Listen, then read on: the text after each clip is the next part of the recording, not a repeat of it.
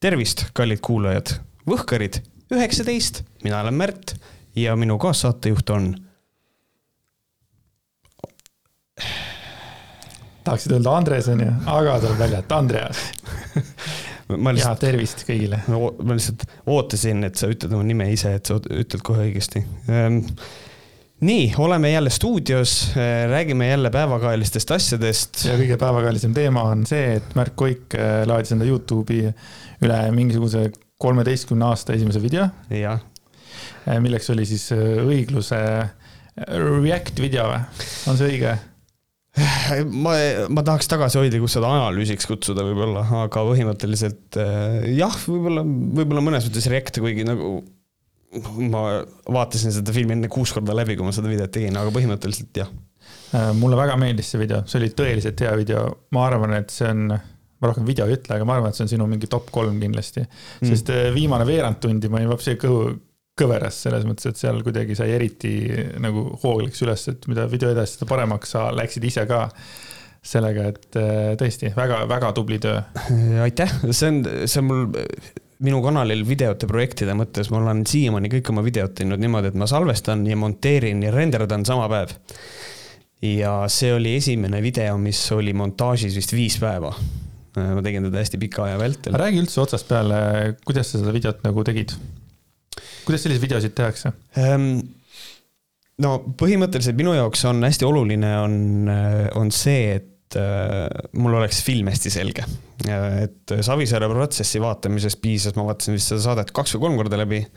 õiglust vaatasin kuus, sest et õigluses on selliseid pisivigu ja siukseid äh, teatud erroreid ja asju nagu minu arust rohkem ja, aga samaaegselt, kui ma olen seda filmi niimoodi neljandat-viiendat korda vaatad, siis sa märkad mingisuguseid liine, mida sa enne tähele ei pane. ehk, ehk siis ühesõnaga ma vaatasin selle filmi viis korda läbi eelnevalt ja siis otsustasin teda kuuendat korda vaadata niimoodi, et ma panen kaamera käima ja siis pausin ja siis räägin kaamerasse mingisugused asjad, mida ma tahan välja tuua. et ähm, et põhimõtteliselt niimoodi see asi nagu sündis, see oli siis äh, peale meie päev, peale meie eelmist saadet põhimõtteliselt, kui me salvestasime, siis ma tegin selle kolmapäeval.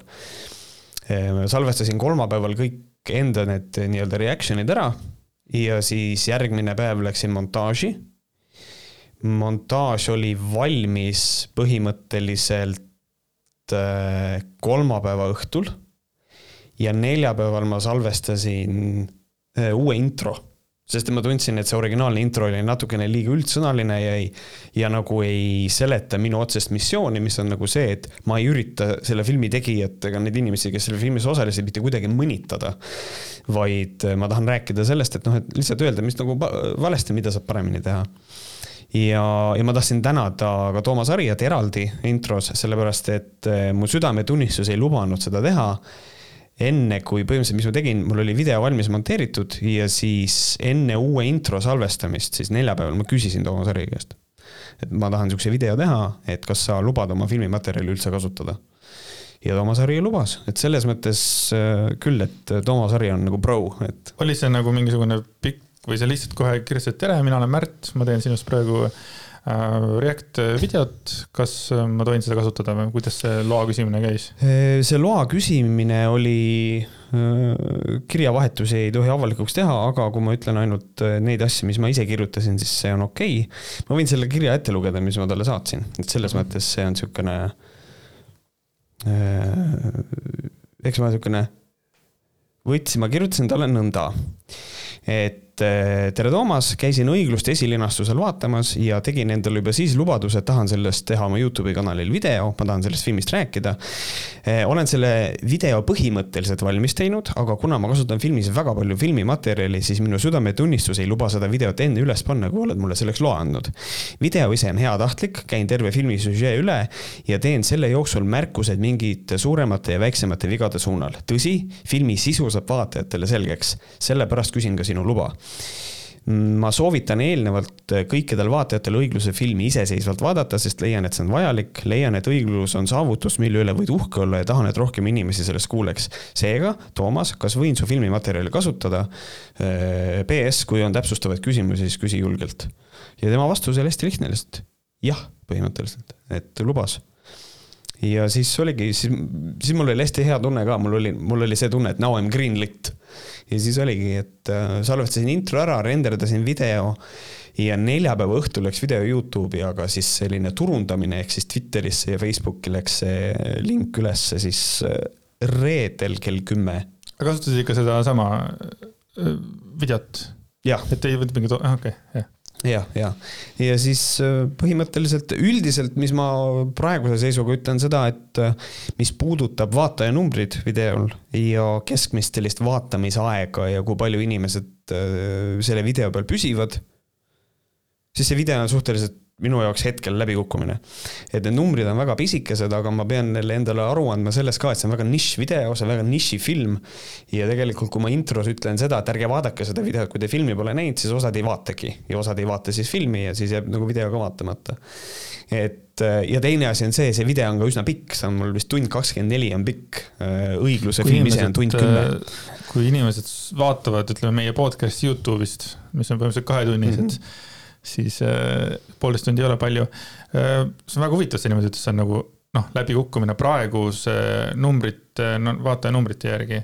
ma usun, et see on üks selline video, mis võtab veitsa nagu aega tõusuks. ma loodan ka, jah. ja, ja isegi kui ta ei võta, siis äh, selle video kvaliteet on nii hea, et samamoodi on nagu igal näitlejal on mõni selline hästi hea roll mm -hmm.. noh, ka sinul on häid rolle ja, ja et võib-olla on see sinu see üks see video, mis on nagu hästi on hästi kvaliteetne, hästi hea, aga noh, ei ole jõudnud nagu väga mainstream'ini, et mm, -hmm.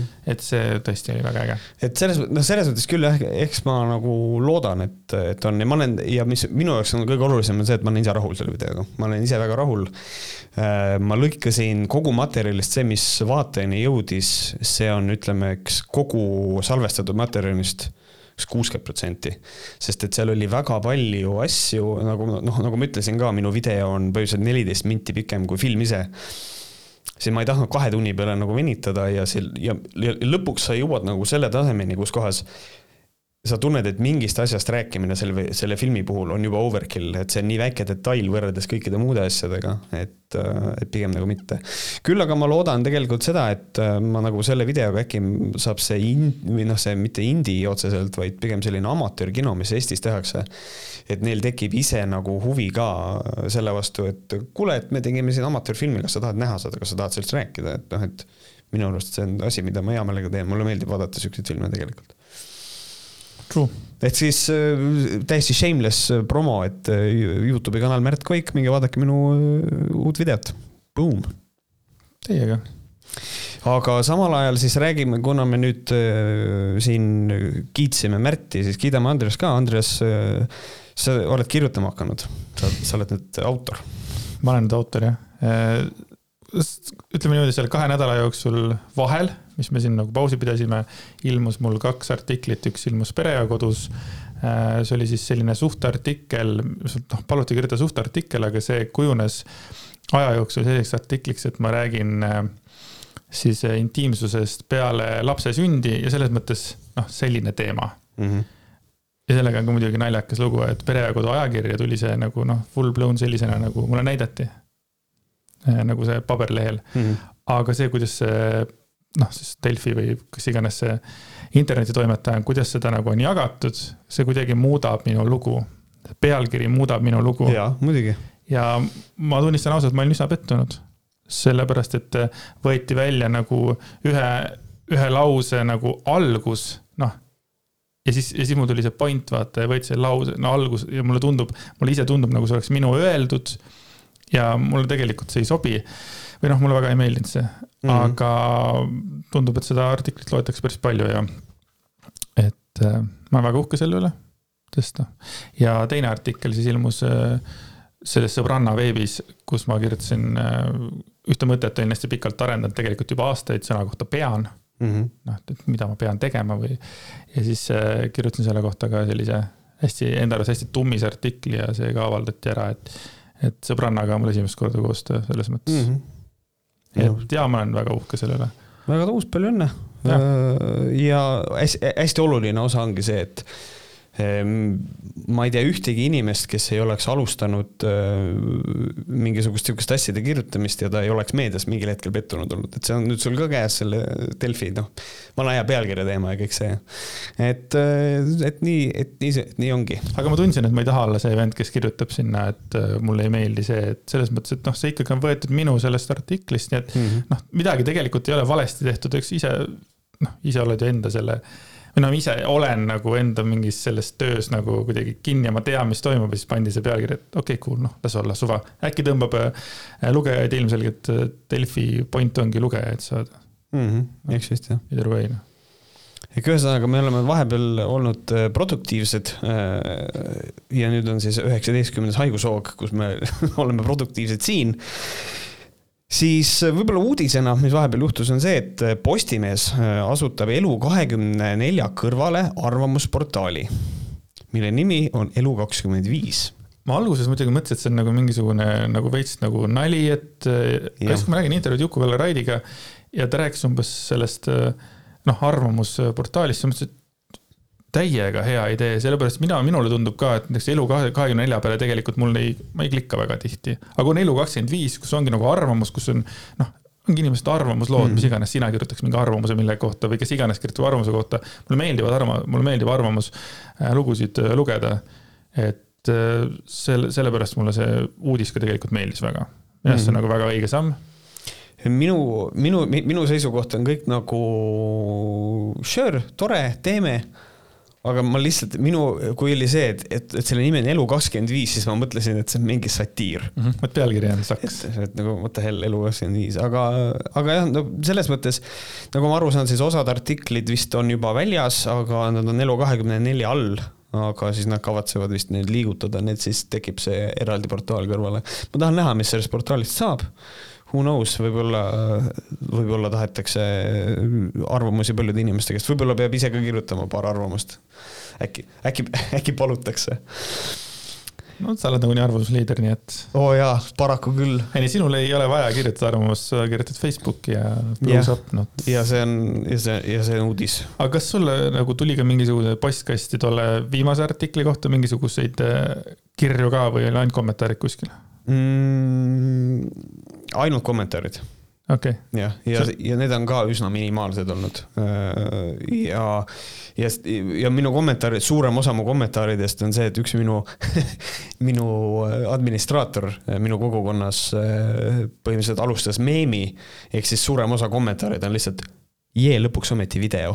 noh, mis on lihtsalt, inimesed kirjutavad seda ehk siis otseselt väga palju ei ole nagu. ei, ma mõtlen selle arvamusartikli kohta. see on Arvamus. näitleja, näitlejate asja kohta, mis oli Viljandis. sest et selle kohta kommentaare tuli, aga otseselt postkasti mitte, et mm -hmm. ikkagi see, see see, see on ikka kommentaarid ähm, selle näitleja kohta öeldi põhimõtteliselt nii palju, et kommentaarides ikkagi oldi minuga nõus või võtsid sõna inimesed, kes ei tea näitlejatest mitte midagi, siis ikkagi keegi tahtis öelda, et see ei ole töö. ehk siis mitte nagu sisulist ei okei okay,, mul äh, see artikkel, mis ma Perekodusse viimase kirjutasin, siis äh, tuli ikka korralik, üks inimene põhimõtteliselt hakkas mind ahistama. kõigepealt ta tõmbas mulle mingid kommentaarid kuhugile, äh, siis ta nägi, et minuga asja ei saa, siis ta kirjutas mu abikaasa Instagrami sellised, sellised pikad lood ja noh, ma teen veel ühe häbitu reklaami, et äh, kindlasti tulevases intiimselt eraelus podcast'is, mida ma ka teen, me lahkame kogu seda teemat nagu, mis vastukaja selle peale tuli ühe inimese poolt, et kuidas nagu ähm, jah. Oli... inimesel on mingisugune peas on mingi mõte ja uh -huh. tal on täiesti pohhu, mida tegelikult öeldakse, et, et see ongi see, et mina nagu ei kavatse hakata vaidlema inimestega mm. -hmm. ma saan ka kommentaarides või kuskil, et korra nagu ütled ära, et aru ei saa, siis on nii, et okei okay,, cool. ta ei taha kuulda, sa, sa räägid oma juttu edasi, et see oli siis tema poolt ikkagi midagi negatiivset või? ja, ja, ja, ja, ja kui sa ütled, et, äh, kirju ei tohi avaldada, siis ma arvan, et ilma nimeta vist võib, eks ole. ilma nimeta võib ju. jah ja. ilma nimeta seda võib. ma kindlasti ka teen siis äh, rääkides veidratest asjadest ja imelikest inimestest Kalle Klandorf, kuidas on sinu suhtumine sellesse, et see mutt võiks tegelikult taksoga sõita? ja, jah. ma kuradi korvpalli, korvpallitreener nagu niimoodi, et ta on Tallinna abilinnapea mm. -hmm. ja, ja, ja see, see, see ongi põhimõtteliselt kaks nädalat vana nagu teema, et kui see lumi siin hakkas vohama, ja see oli see Kanal kahe Reporteri video oli vist see, kus üks vanatädi ei saanud äh, arsti juurde minna. ja siis sealt tuligi see ja siis Kalle Läänemets ütleb, et no võtku takso, aga taksod ei maksa tänapäeval nii palju. See on selline lause, kus oleks vaja tühistamiskultuuri praegu Kalle Klandorfile. jah, see on, see on konkreetselt, see on nagu, see on nagu see, et, et inimene peab ütlema ikka sellist, mul ei tule naljalt selline mõte peale, et noh, lihtsalt tahaks lõuga anda. lihtsalt tahaks panna pasunasse sihukese jutu eest, aga, aga täpselt sihukene tunne oli, et nagu kuidas see üldse nagu meil, see pensionär oli ju, et nagu meil on iga teine vanaduspensionär elab suhtelises vaesuses millest sa räägid, võtke taksos, ei maksa. no jaa, aga vaata, sellised inimesed ei teagi ammu, palju midagi maksab, kui, kui sa kui sa saad jälle mingi kuskil mingi viis kilo pal palka, siis sul on väga lihtne öelda seda, et äh, võtta takso, et vanainimesed võikski takso võtta, et noh, et Tallinna linn ei peagi tegelema selle lumekoristusega. ja nii kui ma aru, aru sain, siis ongi, et seal Tallinnas on pandud siis äh, äh, omanikele siis äh,, maaomanikele siis see, et nemad peavad selle kõnnitee vist puhtaks tegema. ja siis ongi niimoodi, et kui on palju lund, siis tuleb see, Tallinnas tuleb see sahk, mis on linna mm -hmm. poolt, lükkab selle sinna kõnnitee peale äärde, siis nemad seal võib-olla loobivad selle sinna, siis tuleb jälle sahk suure saaga ja lükkab jälle selle sinna. mis tähendab, et see on nagu, et keegi ei võida sellest ja ja. ilmselgelt noh, ma ei, ma ei ela Tallinnas, mul on selles mõttes laias laastus pohhui aga veitsa nagu kriitika, kõige rikkam, ma ei tea, linn Eestis, et nad ei suuda siis sellise asjaga tegeleda. mulle äkki... meeldis ka see äh, mõte, mis sealt välja tuli, äh, kuigi keegi vist täpsustas seda pärast, aga see mõte on sellegipoolest tore, et noh, et et ei ole raha selle lume koristamiseks ka väga palju, sellepärast et muidu jääb mingi lasteaed jääb renoveerimata. tegelikult ja siis on nagu, ja nagu reaktsioon, äh, jumala eest, kommentaarides võite mind parandada, et kuigi, kui, et kui ma praegu valetan, aga nagu see argument iseenesest kui seda öeldi niimoodi, nagu ma aru sain, siis see on hästi kummaline, sellepärast et kas te tahate siis öelda, et Tallinna linn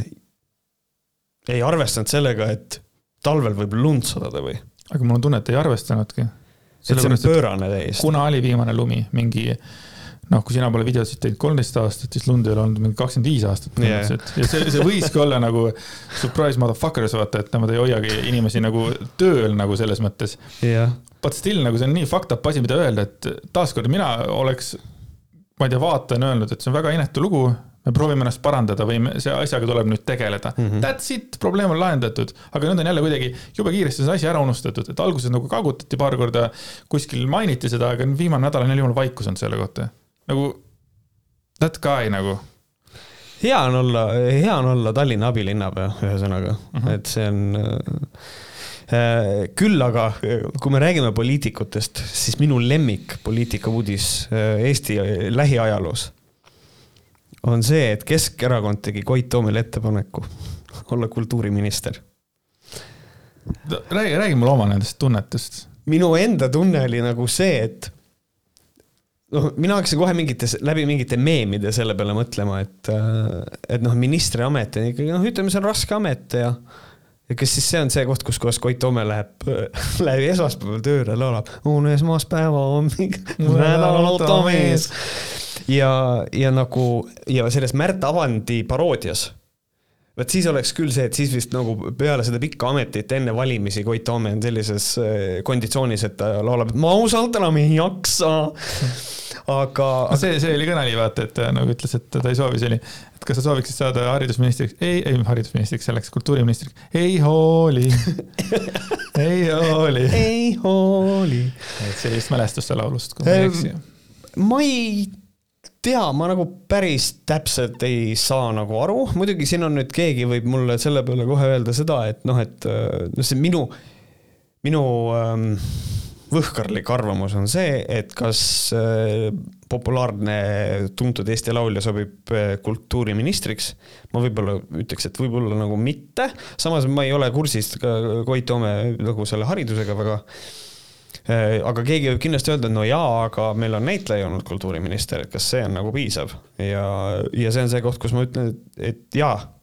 sellepärast, et kui inimene on, on näitleja, tal on väga laiapõhjaline haridus et nagu selles mõttes, et, et miks mitte, samas ma ei tea, kas Saarel on ainult bakakraad, kas tal on magister ka, eks ole, et ta on nagu haritud, teatriinimene parasjagu on. Come on, minu kooliõde oli ka minister et aga tegelikult... selles mõttes, kui Gert Kingo minister, siis Toome võib kindlasti olla minister. ma mõtlen selle kohta, et mina nagu näiteks Koidu, Koidu kohta küll ei taha selles mõttes midagi halba öelda, et ta on ikkagi noh, kuradi normaalne härrasmees ja mm, -hmm. ja no miks mitte, onju.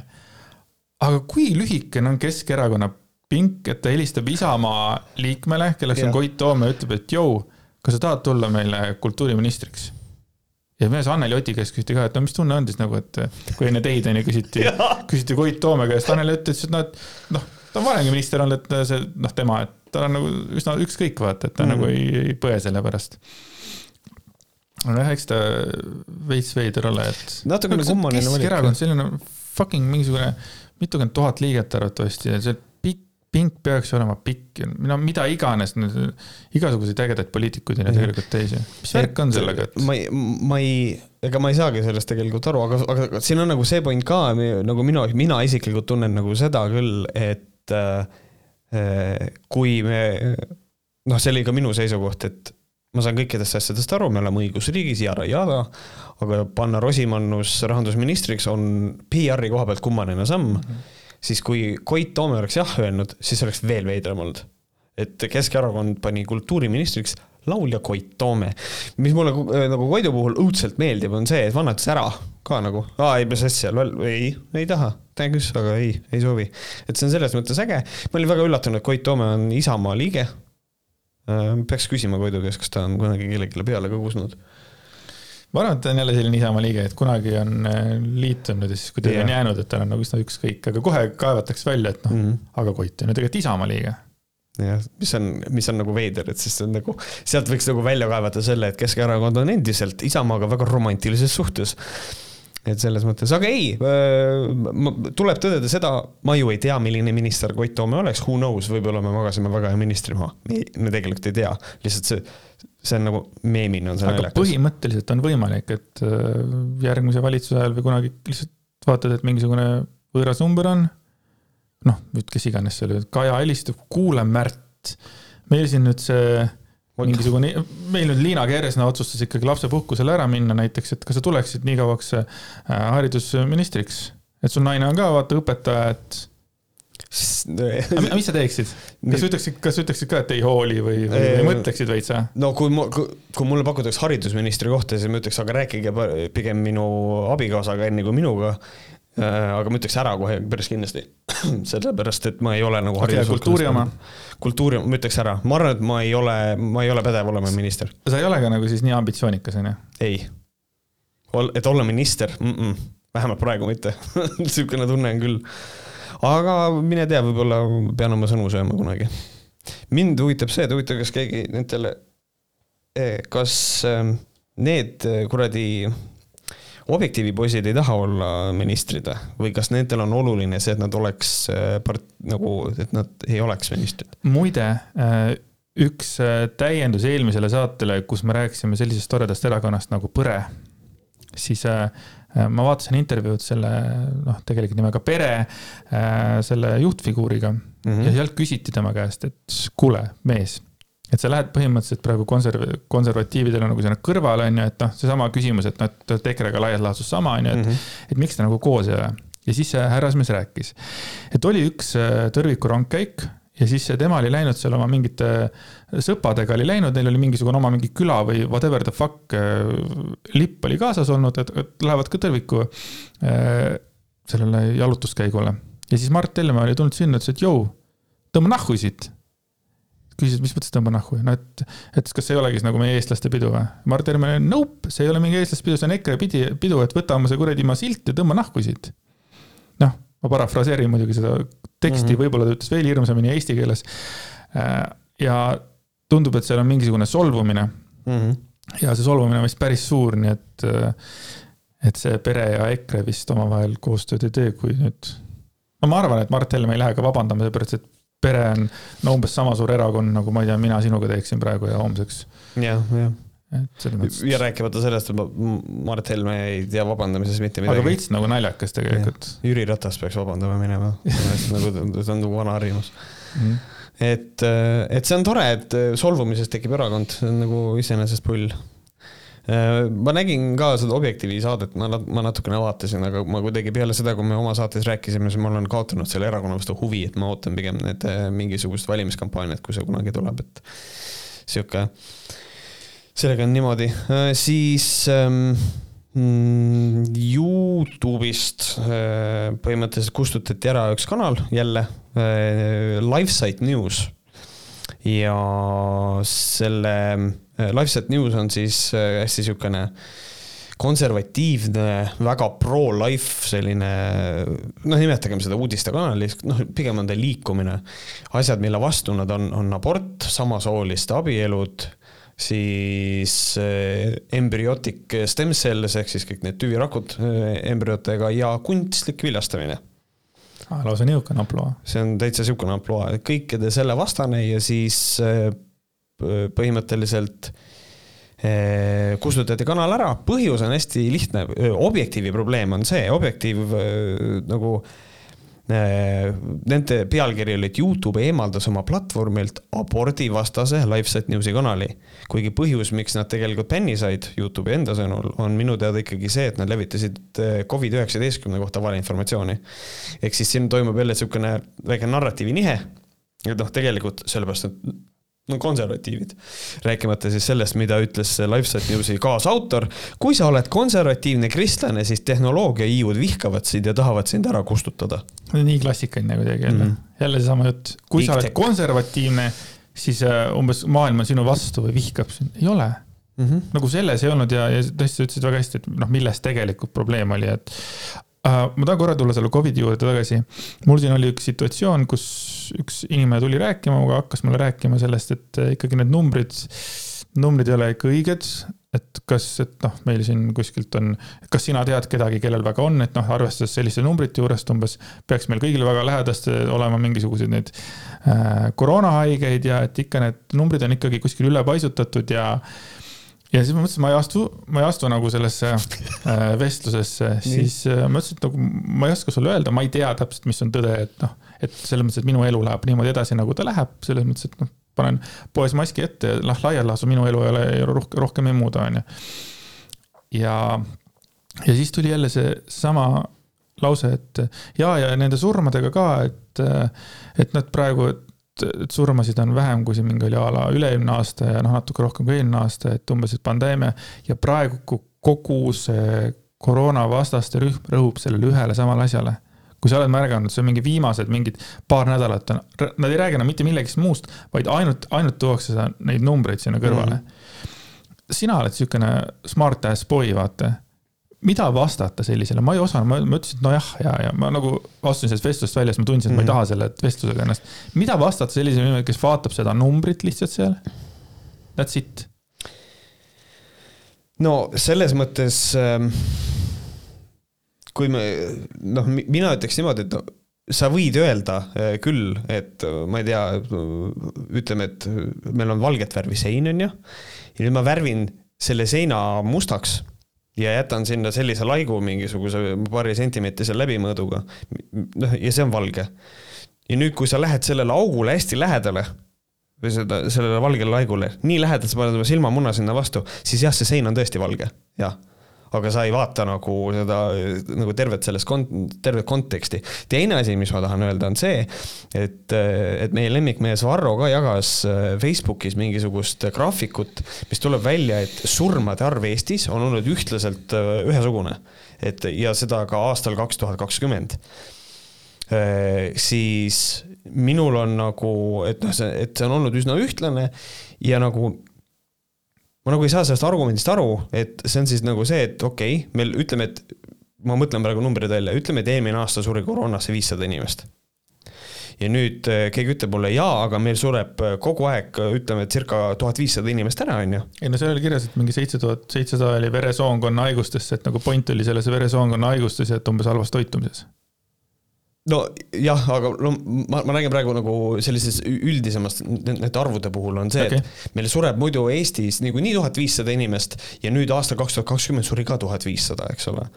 ja siis minu argument on see, jaa, aga kui koroonaviirust ei oleks, siis oleks viissada inimest vähem ära surnud, sest et koroonasse suri viissada, jällegi numbrid ei ole päris. aga noh, see põhimõte on selles, et hästi kummaline on, on tuua neid surmaarve välja niimoodi teiste aastatega võrreldes. täpselt samamoodi on see, et inimesed siiamaani nakatuvad ja nagu tõusvas joones, kas siis maskid ei tööta või? kui maske ei kantaks, oleks see number suurem ehk siis nagu eh, inimesed nagu niipidi ei mõtle, inimesed mõtlevad seda, et kui inimesed, et, et paneme maskid ette, et siis nüüd peaks kohe nagu alates järgmisest päevast nagu seitsekümmend viis protsenti vähem nakatunud olema, see on hästi kummaline. aga eh, nendesse arvudesse keskendumine, noh, siin tuleb jälle see ka mängu. et väga palju räägitakse seda juttu ka, et noh, et kas tegelikult on Covidi surm ja üks, ähm, mida, mida Kristi Loigo, äh, kes on siis see, kes Kodutunde raha väidetavalt kõrvale pani, eks ole, tema, ta, ta on mul Facebookis sõbralistis millegipärast ja iga kord, kui Kas ma loen. teda ka? ma isiklikult ei tunne teda okay.. Äh, ta lisas mind mingil hetkel sõbraks ja ma võtsin selle vastu, sest et mingi produtsent ja noh, lihtsalt. ja, ja, ja, ja ta ikka ütleb ikka nii debiilseid asju vahepeal Facebookis, et see on täiesti jabur. Äh, näiteks kujuta ette, et inimesel on selline argument, et, äh, et meil sureb haigustesse inimesed, kes on seitsekümmend, üheksakümmend kaheksa. Pole vabandust, aga need inimesed on oma elu lõputeel niikuinii, põhimõtteliselt see on see mõte. ehk siis filosoofiliselt jätab see mulle sellise mulje, et kas sa tahad siis öelda seda, et mida vanem on inimene, seda vähem on selle inimese elu väärt või? No seda on rääkinud kõik koroonavastased kogu aeg, et see on ainult vanade inimeste, noh, see, et nemad surevad. et siis kas neile kogu maailm nagu, mis kuradi eugeenika see on, et nagu kui sa oled, ei, kui sa oled vana, siis sa võidki ära surra, elu on kohe nagu vähem väärt või nagu selline, see on, see on, see on nii kummaline, ma lihtsalt ei suuda seda mõista, see on minu arust täiesti debiilne seisukoht et, äh, et mind nagu täiesti paneb see asi nagu jahmatama ja pluss siis kogu see surmade valesti, et noh, et tegelikult tal oli mingi teine haigus ka, nojah, aga see haigus, mis inimese ära tapab lõpuks, mis ta nagu selle, tal elu ära viib, see on see põhjus ikkagi, et nagu selles mõttes see on nagu see argument, mida ma nagu tõin, et kui inimene elab üle raske autoõnnetuse, ta lendab läbi esiklaasi vastu puud ta, ta põhimõtteliselt peaaegu sureb ära ja siis ta hakkab taastuma. aga siis haiglas tekib mingi probleem, ta saab koroonanakkuse ja sureb ära. siis see on koroonasurm ja nüüd on keegi, kes naerab, no aga see ei ole ju loogiline, tal oli ju, tal ta oli, ta oli nii raskelt vigastatud, see on ikkagi sellepärast suri ära.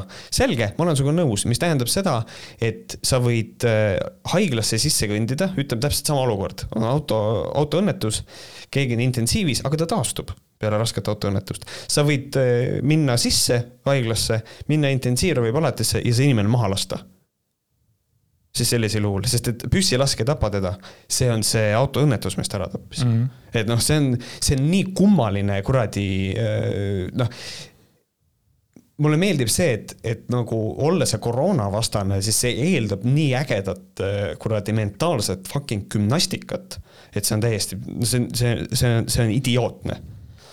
ühesõnaga, ma ei tea, kas mu ränd vastas mõnele su küsimusele ka või mitte ta ikkagi vastas selles mõttes samadele küsimusele, noh, need vastused olid umbes samad nagu, nagu ka mina mõtlesin, sa lihtsalt mm -hmm. oskasid neid võib-olla paremini väljendada.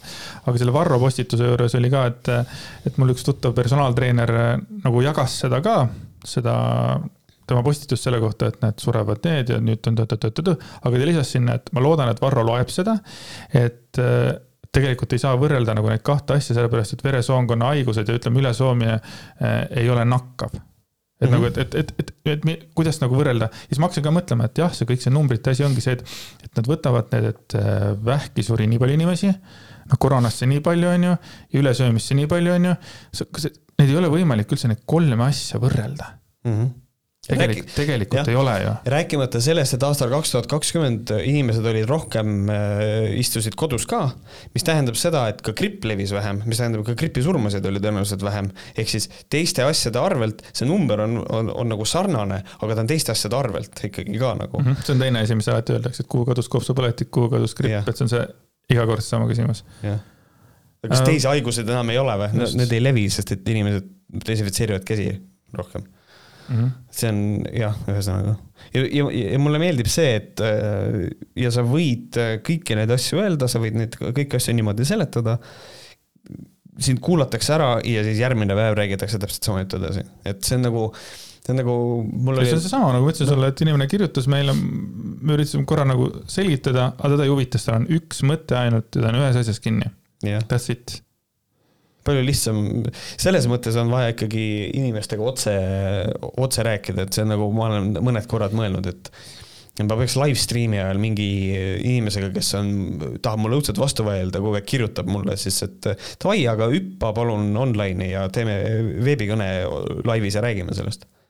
sa võid leppida, sa võid leppida kokku mõne inimesega, see oleks päris äge teistsugune asi teil sul seal, jah. kusjuures mul oli mingisugune, mingisugune seik, mulle saadeti üks klipp, kuidas üks Eesti sihuke striimer nagu Paparex äh, rääkis sellest, mismoodi, et Märt Koik on öelnud, et sõjaväes keegi ei õpi mitte midagi, mis kusjuures ei vasta tõele äh, ma ei ole kunagi öelnud, et sõjaväes ei õpi mitte midagi. ja kui ma olen seda öelnud, siis, siis see on idiootne, sõjaväes õpib küll. aga et minu seisukoht, et sõjaväes ei saa mitte keegi meheks ja siis äh, ma nägin mingit klippi, et kus ta vist üritas sellele nagu vastu vaielda, aga see klipp oli üsna lühike, ma seda tervikut ei näinud. siis mul oli see mõte, et huvitav, lepiks temaga kokku, et räägiks natukene nagu sellest kaitseväe asjast, et nagu räägiks asja selgeks, sest et sest et uh, you are misrepresenting what I said, täpselt niisugune tunne oli nagu. aga ma, aga ma nagu loobusin sellest, et, et ma ei pidanud seda enda jaoks oluliseks no mina ikkagi ootan veel Varro Vooglaiu, Vooglaiu ja sinu mingisugust debatti ja tegelikult ka, miks mitte ka Hando Tõnumaaga. aga see oleks vist tegelikult sinu alandamine veits.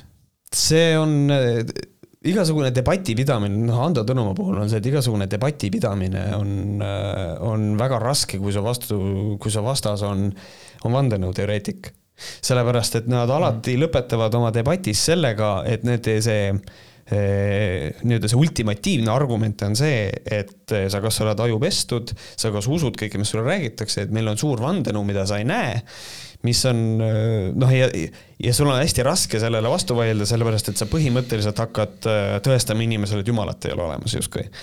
mida on väga noh, põhimõtteliselt seda ei saa teha nagu, et selles mõttes see on niisugune, see on niisugune keerukas asi Varroga ma ei kujuta ette, et üldse saaks keegi rääkida peale, peale Ahto Lobjaka.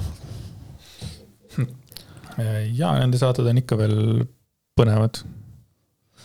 ma, ma, no ma ikka veel kuulan neid selles mm. mõttes. see on, see, see, see on, see on tore kuulda et sihuke, aga äh, Jüri Ratas käis välja siukse mõtte, võib-olla see on nagu nüüd siis, muidugi nüüd on Jüri Ratasel palju häid ideid nüüd, kus ta enam peaminister ei ole, et, et võiks muuta erakondade rahastamist, teha siis selline põhimõtteline muudatus, et, ähm, et füüsilised isikud ei saa enam raha annetada.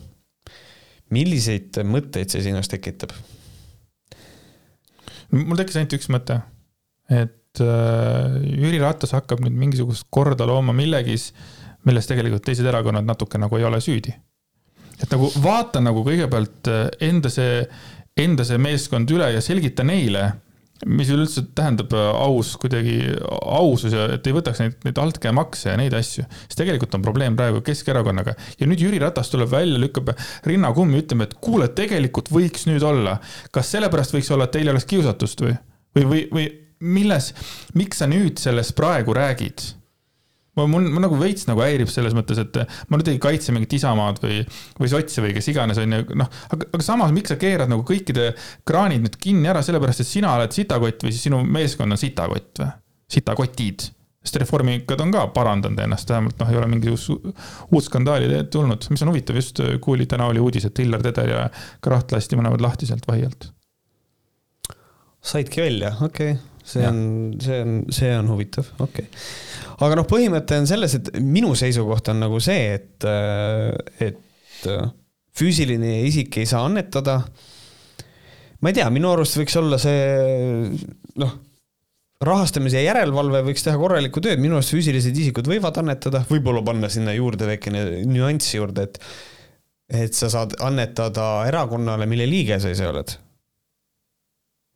ehk siis. sa ei äh, saa annetada erakonnale, mille liige sa oled. ei, äh, sa saad ainult annetada erakonnale, mille okay. liige sa oled. ehk siis see võib olla mingisugune väike nüanss, et, äh, et siis nagu see nagu justkui noh, mina leian seda, et me elame ikkagi nagu liberaalses ühiskonnas ja kui eraisik tahab, et fuck, ma annan, ma annan kakskümmend tonni Keskerakonnale, et nad saaks oma poliitikat ellu viia, siis ma leian, et see on nagu, see peaks olema võimalik lihtsalt tuleb hoolitseda sellest, et see oleks korruptiivne, et noh, see on, no see on see vana hea, et ma annetan teile, ma ei tea, kakskümmend tonni, aga ma nagu tahaks, et see krunt oleks seal natuke, ma tahaks seda endale noh. aga kas mitte tegelikult see ei olegi suurte ärimeeste point, miks, miks nad kõik igale poole neid äh, annetusi teevad ju mm? -hmm. no põhimõtteliselt justkui nagu see, see see point nagu oleks äh,. aga noh ma ei tea, mul on, mul on endal nagu selline tunne, et äh, loomulikult ma ei taha korruptsiooni, on ju. et nagu selles mõttes, kui äh, see, et füüsilised isikud ei saa enam raha annetada, kui see selle vea ära parandab, sure, davai, aga ma ei usu seda. aga kas võiks vaadata sinna peale, et aga ärge kulutage nii palju? et kui tulevad mingisugused valimiskampaaniad ja asjad, et miks te kulutate nii palju, kellele see on mi,, miks te seda teete, et mille peale läheb äh, nende erakondade raha? Äkki sa tead paremini? no hästi suur osa on kindlasti teavituskampaania valimiste eel. no vot, see ongi see, et aga, aga miks me sellega üldse tegeleme, me oleme aastas kaks tuhat kakskümmend üks, on ju ja, ja siis iga kord. reklaam läheb aina kallimaks selles mõttes. ja, ja iga kord, kui hakkavad mingid valimised tulema, siis on seinad täis on ju mingisugust sitta, keegi isegi ei vaata nagu seda mingisugust asja ja noh, internet on eks praegu asi võib-olla, kus üldse midagi on mõtet teha, õnneks nad vaikselt liiguvad ka sinna, selles mõttes, et ei reosta enam seda mingisugust meie, ma ei tea, tänavapilti ja siis oli teine variant oli see, et äh, siis küsiti, et, äh, et aga äkki saaks kõik raha siis äh, liikmemaksudest. ja siis Jüri Ratas, suur sangar, ütles jah, aga see ei ole väiksemate erakondade äh, puhul nagu õiglane. no ma, ma ei saa nüüd aru, mida ta täpselt tahab, kas ta tahab, et teistel erakondadel oleks hea või? Praegu ta just tegi, et teistel erakondadel oleks halb, kui ta tuleb selle ideega välja, et enam ei saaks nagu noh, sinna äh, raha, raha, raha kanda, onju. ja nüüd siis nagu tunneb kaasa. Või mida ta tahab või mis see tema point on nüüd? no benefit of the doubt, ma arvan seda, et Jüri Ratas ikkagi lõppkokkuvõttes äh, tahab seda, et Eesti poliitika oleks korruptsioonivaba ja, ja ta väljendab seda mõtet, et see on üks variant, kuidas võib-olla sellest hoolt kanda. ehk siis, äh, kui tõesti Jüri Ratas ei olnud absoluutselt kursis, milles ma tegelikult kahtlen, ma kahtlen, et selles, et see kuradi Porto Franco asi on nagu, et Jüri Ratas oli, ohoo, päriselt tõsi, sihuke asi leidis aset hmm,, väga kahju. ma nagu veits kahtlen selles, on ju, aga noh, meil ei ole tõestusi, et selles mõttes, et me võime nüüd oletada, et noh, kindlasti ta mingil määral nagu teadis sellest asjast, aga nagu eh, vaata siis, kui ta üle võttis selle Etsilt kogu selle gamma mm. ja on ju, siis ta rääkis, et näed, noh, meie eesmärk on saada, on ju, Keskerakond nagu puhtaks sulidest, on ju. ja ikka meil järjest oli mingeid gamma jaasid oli seal mingi nendes väikestes linnakestes Tallinnas ja mingid asjad. ja nüüd tuli see suur pauk jälle, mis tähendab, ta ei ole oma tööga hakkama saanud. no ma ei tea ma ei tea, võib-olla, võib-olla on samas ka see, et, et praegu ma toon siia nüüd koroona surmanumbrite argumendi, et võib-olla ta on oma tööga hakkama saanud, võib-olla kui ta ei oleks eesotsas, võib-olla oleks asi nagu oluliselt hullem ja võib-olla Keskerakond ei olekski enam, sest et kõik istuksid kinni. et siin on võib-olla selline variant ka, et ta on seda seest silunud, aga sa ei saa igat rotti kätte põhimõtteliselt et siin nagu see variant on. no ma ikka jään sinna, et äkki alustad nagu oma meeskonnast Te, teed selle nagu korda ja siis liigume edasi äkki? ei, see on jah, sure, ma austan seda seisukohta. Äh, nüüd on siin, meil on sihuke punkt, millest rääkida, et keegi on jonnipunn ja see on siis Mart Helme. ja, ja kusjuures vot see on asi, mille peale ma ei, lihtsalt, ma ei suutnud mitte kuidagi nagu mitte naerda. ehk siis EKRE Riigikogu fraktsioon kaalus võimalust tagasi astuda Riigikogust. ma kordan, EKRE fraktsioon kaalus, et nad astuvad Riigikogust välja. selle jaoks, et äkki siis korraldatakse erakorralised valimised. ja see on ka huvitav, et ta nagu palus uurida tegelikult, et jälle ta tuli oma lapsesuuga välja, enne kui ta nagu seda asja uuriski mm. -hmm. ja, ja siis äh, selle kohta öeldi, et noh, samas, et kui terve EKRE Riigikogu fraktsioon astub tagasi, pakutakse mandaati järgmistele EKRE nimekirjas olevatele inimestele. kui aga kõik EKRE nimekirjas olevad saadikud otsustavad mandaadist loobuda, jaotatakse EKRE fraktsiooni kohad teiste erakondade vahel, selgitas Koitmäe. riigikogus on ikka sada üks inimest. Äh, Koitmäe ongi siis äh, valimisteenuste juht mm. -hmm. et mina ütlen küll, Madis, et see on üks hea mõte ma arvan, et EKRE võiks tegelikult kogu Jaa. koalitsiooniga tagasi, noh, tagasi astuda, välja astuda, mida iganes teha. terve fraktsiooniga jah. ja siis muidugi see, et siis tulevad äkki, et okei okay,, äkki, et me lä- lähme ära, äkki lähme ära, onju, äkki siis tulevad äh, uued valimised. no jaa, keegi ei taha teiega mängida. nagu mis te siis jah. saate siis, kuigi, mis on nagu huvitav, et just vä- värske reiting tuli ja EKRE on tõstnud oma äh, valimis, tähendab seda noh, protsenti, toetusprotsenti kahekümne protsendi peale. taaskord me ei tea, paljude inimeste käest küsiti, onju. ma ei tea, Mhm. palju äh, Emor äh, küsitleb. kui Norstatil oli mingi väike hunnik, kas Emoril on veits suurem või? ma arvan, et Emoril on tonn. okei okay., et Reformierakonnal on kolmkümmend protsenti, EKRE-l on kakskümmend, Keskerakonnal on seitseteist, Eesti kakssada on viisteist, sotsid üheksa, Isamaa viis, rohelised kaks, tulevikuerakond üks. Kaks üllatust oli minu jaoks, esimene üllatus oli see, et Isamaal on nii palju Mhm. ja teine üllatus oli, et rohelistel on nii vähe. ma ikkagi arvasin, et rohelised on kuidagi oma nende, ma ei tea, mis asjadega inter- internetis teevad ja nagu. Nad on väga aktiivsed igasuguste petitsioonide tegijad. kui neil oli neli ja nüüd on kahe peale kokku, mina mõtlesin, et noh, kui ei mõtle rohelistel eriti tihti, aga et kui neil on neli, äkki neil nüüd on viis ja äkki ma ei tea, Isamaal on siis neli või kolm, vaata. jah, et noh, see on niisugune, põhimõtteliselt, mis, mis, mis minul tekitas kohe küsimuse, vaat see oli artikkel, mida ma vaatasin, et noh, et läksin Delfisse, ma vaatasin kommentaare, mis inimesed kirjutavad. ja siis ongi ikkagi need, kes ütlevad, et. kumba artiklit sa, nüüd see. värske reiting või? ei, seda, et Mart Helme tahab tagasi astuda sealt., et nagu selle pealt äh, mul tekkis nagu huvi, et mida inimesed ütlevad ja seal on inimesed, kes nagu siiralt on seisukohal, et ei, aga nad võiks proovida muidugi. et, et nagu jah, noh, pohhui, kuigi tegelikult on nagu selgelt öeldud, et see ei toimi niimoodi. ja minu seisukoht ongi nagu see, et kui me nüüd natukene mõtleme, siis mida see tähendab? meil on valimised, meil tuleb Riigikogu. EKRE saab, ütleme, viisteist kohta Riigikogus, valitsusse ei pääse, ei ole rahul sellega, astub tagasi, tulevad erakorralised valimised, mille peale läheb riigil raha see on pohhui. See on pohhui, võtame laenu, ütleb Martin Helme iga asja peale. rahandusminister, ei võtame laenu, pohhui. siis äh, tehakse uued valimised. EKRE saab, mis protsent on kõrgem, saab nüüd seitseteist kohta. aga ta ei võida valimisi, sest va- valimised võidab Eestis alati Reformierakond. Reformierakond teeb valitsuse jälle Keskerakonnaga. ja siis EKRE fraktsioon astub uuesti tagasi, meile ei meeldi see valitsus, tehakse erakorralised valimised. saavad kuusteist kohta Reformierakond võidab, Reformierakond teeb öö, valitsuse Keskerakonnaga jälle. Astuvad jälle tagasi, siis jäämegi kogu aeg valima endale esindajaid või?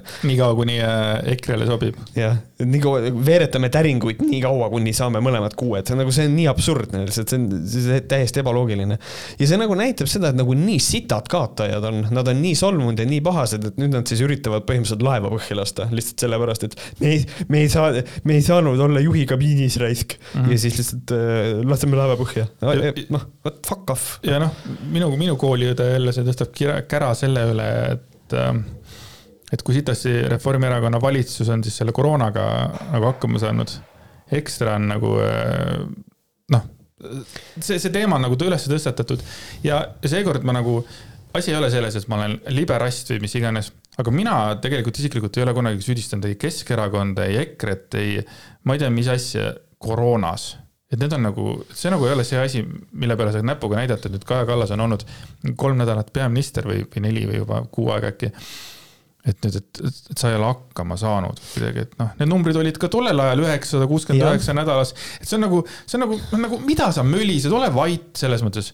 ja, ja see ei ole mul, ma räägin, see ei ole mul praegu sellepärast, et nemad on konservatiivid ja, ja liberaalsed on nagu ei, nagu selles mõttes, et noh, ongi koroona, see ongi raske aeg, maailm ei saa sellega hakkama, fucking mm -hmm. maailm ei saa sellega hakkama. sealt me oleme jõudnud viie enim nakatunud riigi, riigi hulka.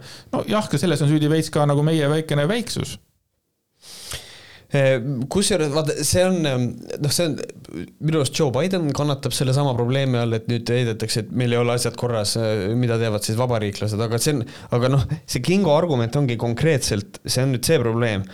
ehk siis meil on suur viljasalv ja eesmärk on selles, et see viljasalv, see on meie reserv ja see peab täis olema, onju ja nüüd äh, Gerd Kingo, siis EKRE erakond põhimõtteliselt oma valitsuse ajal sõi selle viljasalve põhimõtteliselt tühjaks lihtsalt sõi tühjaks selle. ja nüüd tuleb valitsusele, nüüd valitsus vahetus ja nüüd Reformierakond võttis nii palju, kui oli ja pani sinna vilja juurde ja see salv on nüüd pooleldi, poolenisti täis ja nüüd tuleb Kingo põõsast välja, ütleb, see salv peab täis olema, miks see täis ei ole? ehk siis nagu on see, et sa pead aru saama, et sa võib-olla oled ise süüdi selles, et see salv on pooleldi täis, dumb fuck.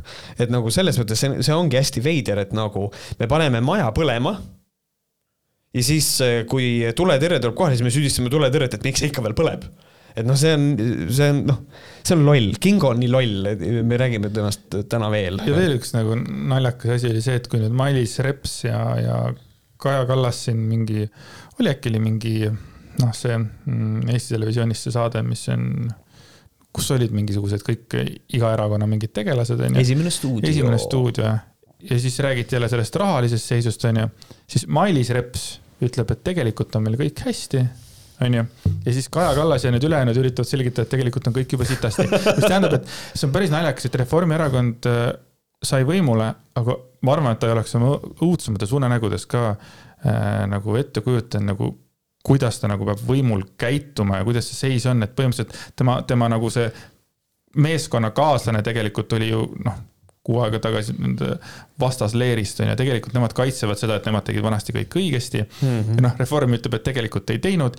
ja siis ole seal sellises, et noh, et neil ei ole nagu, nagu mulle tundub, et seal on nagu mingisugust üksmeelt tugevat ei ole. ma veits olen nagu mures selle valitsuse pärast nüüd selle mingi äh, kuu, kuu aja möödudes, et seal ei ole see dünaamika päris paigas mm. -hmm. ja kommunikatsioon on seal ka kuidagi kehva, Tanel Kiik räägib ühte äh,, Vahur Kersna naine räägib mingit teist juttu ja kuidagi ne, noh, üleüldse muude, muude teemade puhul ka, et see on nagu veits on selline kõrvalt vaadata, et okei okay,, no vaatame edasi, et noh, nad ei tee vähemalt lolle avaldusi iga päev. ei saada homoseksuaale Rootsi jooksma, eks ole. või Rootsis jooksma. jah, äh, vahepeal võtsin välja selle ka, et Kantar Emori selle viimase reitingu äh, sellele vastas tuhat ükssada kakskümmend neli inimest läbi, läbi veebi. Need olid Eesti Vabariigi kodanikud vanuses kaheksateist kuni kaheksakümmend neli. et siis ongi tuhat inimest, Emor tavaliselt sinna tuhande kanti jääb ka minu arust. nii palju siis sellest ja siis äh,, aa jaa, meil on väikene välismaa asi ka äh,. siis kui keegi vaatab Mandalorianit. kas sina vaatad Mandalorianit? ei, kuigi seal mängib Pedro Pascal, kes on äh, vot see mees ja see nice., ja ma olen heteromees, kes ütleb, et see on mees. siis põhimõtteliselt juhtus siis niisugune asi, et Mandaloorinis mängiv siis eh, Gina Carano, eh, kes no ikka on naine selles mõttes ka. aga tuleb välja, ta on täielik idioot sellepärast et ta põhimõtteliselt postitas Instagrami Ehm, siis eh, tegi siukse postituse, kus kohas ta võrdles seda, et tänapäeval olla vabariiklane on nagu olla juut holokausti ajal. ta tegi sellise statement'i ja siis nüüd inimesed on pahased, sest et ta lasti lahti selle asjast. tegelikult see asi toimus nagu, no ma aru sain, see toimus peaaegu sekundi pealt, et siis äh, mis see on, United Talent Agency, kes mm -hmm. nagu siis okay. representis seda Garanot. see ütles kohe ülesse nagu kohe põhimõtteliselt, et Mandaloorianist visati ta kohe välja. Äh, ja tal oli võimalik saada oma spin-off, nagu ma kuulsin, ja ka see jäi ära. Disney plussis pidi saama spin-off'i, jah. saad aru, ühe fucking, no on siis Instagrami postistatud, pluss ta on veel teinud nagu Twitteris ka nagu tööd, et ta on, ta on nagu seda maad nagu kogu aeg nagu surkinud veits, et kõigepealt nagu veits sõimame neid maskikandjaid, ta see noh mookis, siis nagu naeruvääristas maskikandjaid, eks ole. siis ta rääkis sellest, kuidas äh, USA presidendi, presidendivalimised on äh, võltsitud. ta nagu mängis selle tulega kogu aeg ja, ja, ja siis ongi huvitav see, et kui suur on ikkagi nagu äh, ma ei tea, kas Ameerikas, aga ma usun, et tegelikult maailmas selle Twitteri ja, ja Instagrami mõju või selle sotsiaalmeedia tweetide mõju nagu.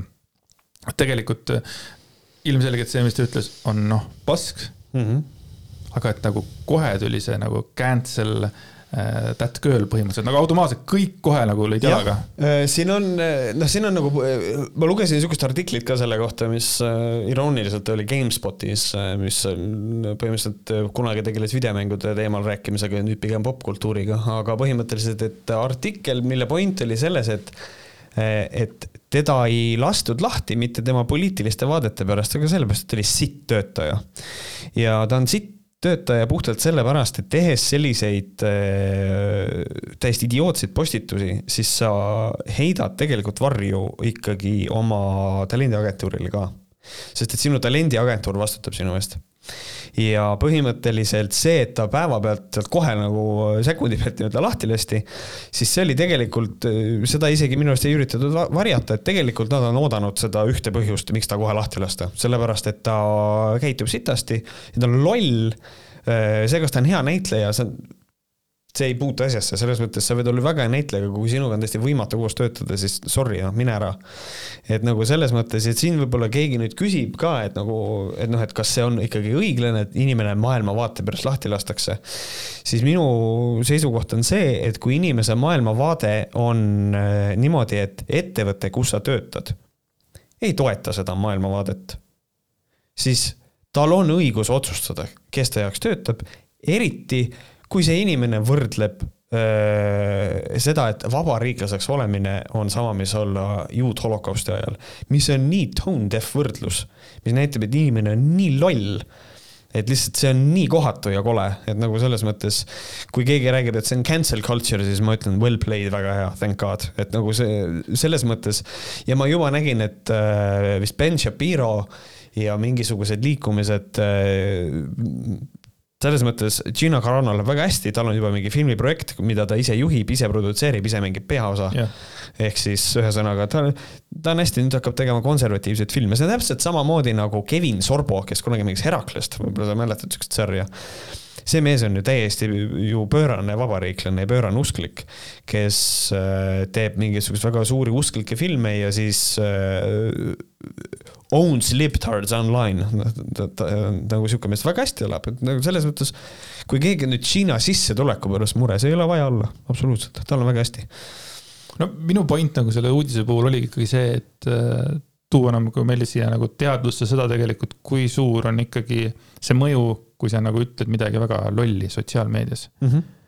ja et Eesti on selles mõttes veel maas, ma ei tea, kas see on hea või halb et ta on niimoodi maas ja kuidagi tõesti iga asi nagu äh, unustatakse kiiresti ära, võtame selle Kalle Klandorfi lause tegelikult, mis on ka väga putsis teema või noh, neid lauseid on nagu nii palju olnud mm. -hmm. ja nädalaga unustatakse ära, siin on kohe niimoodi, aa, cool. sa ütlesid midagi rumalat ja okei okay,, sa ütlesid, et seal on võis taga olla, et seal taga oli ka kõike mm -hmm. muud, noh, siit töötaja. noh, but still, vaata kujuta ette, et sa, ma korra veel segan mm, -hmm. kujuta ette, et sa teedki mingisuguse äh, noh, hakkaski nüüd, ma ei tea, milleks ja teedki mingisuguse sellise vastukäiva nagu, ma ei tea, tweet'i mm. -hmm. ja siis sinu, ma ei tea, tal-, talvefilmist äh, lõigatakse välja. lõigatakse sind välja, sellepärast et see ei läinud kokku äh, selle. mingisuguse suunaga. jah, kulla enda mõtetega näiteks äh, noh, siis. Ergo Kuld oli jah.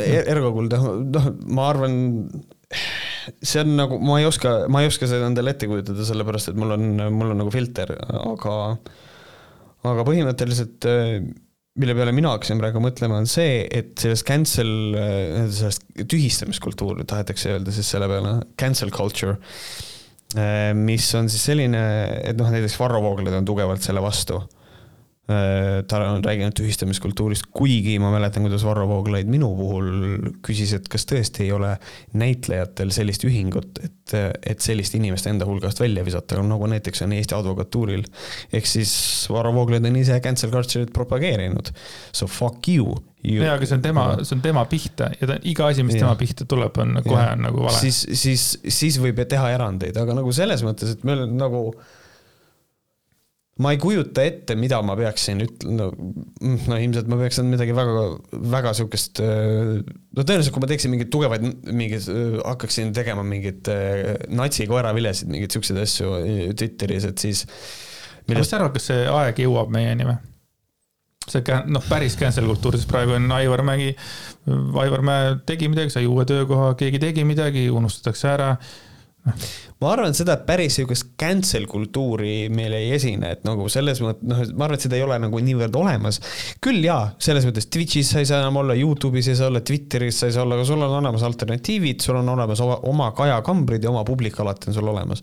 selles mõttes, aga ma arvan, et, et see mingil määral tuleb meile kindlasti, et nagu selles mõttes mina leian, et see on nagu okei okay,, et kui keegi on, ma ei tea, Peeter Helme näiteks on hea näide, et noh, et kui ta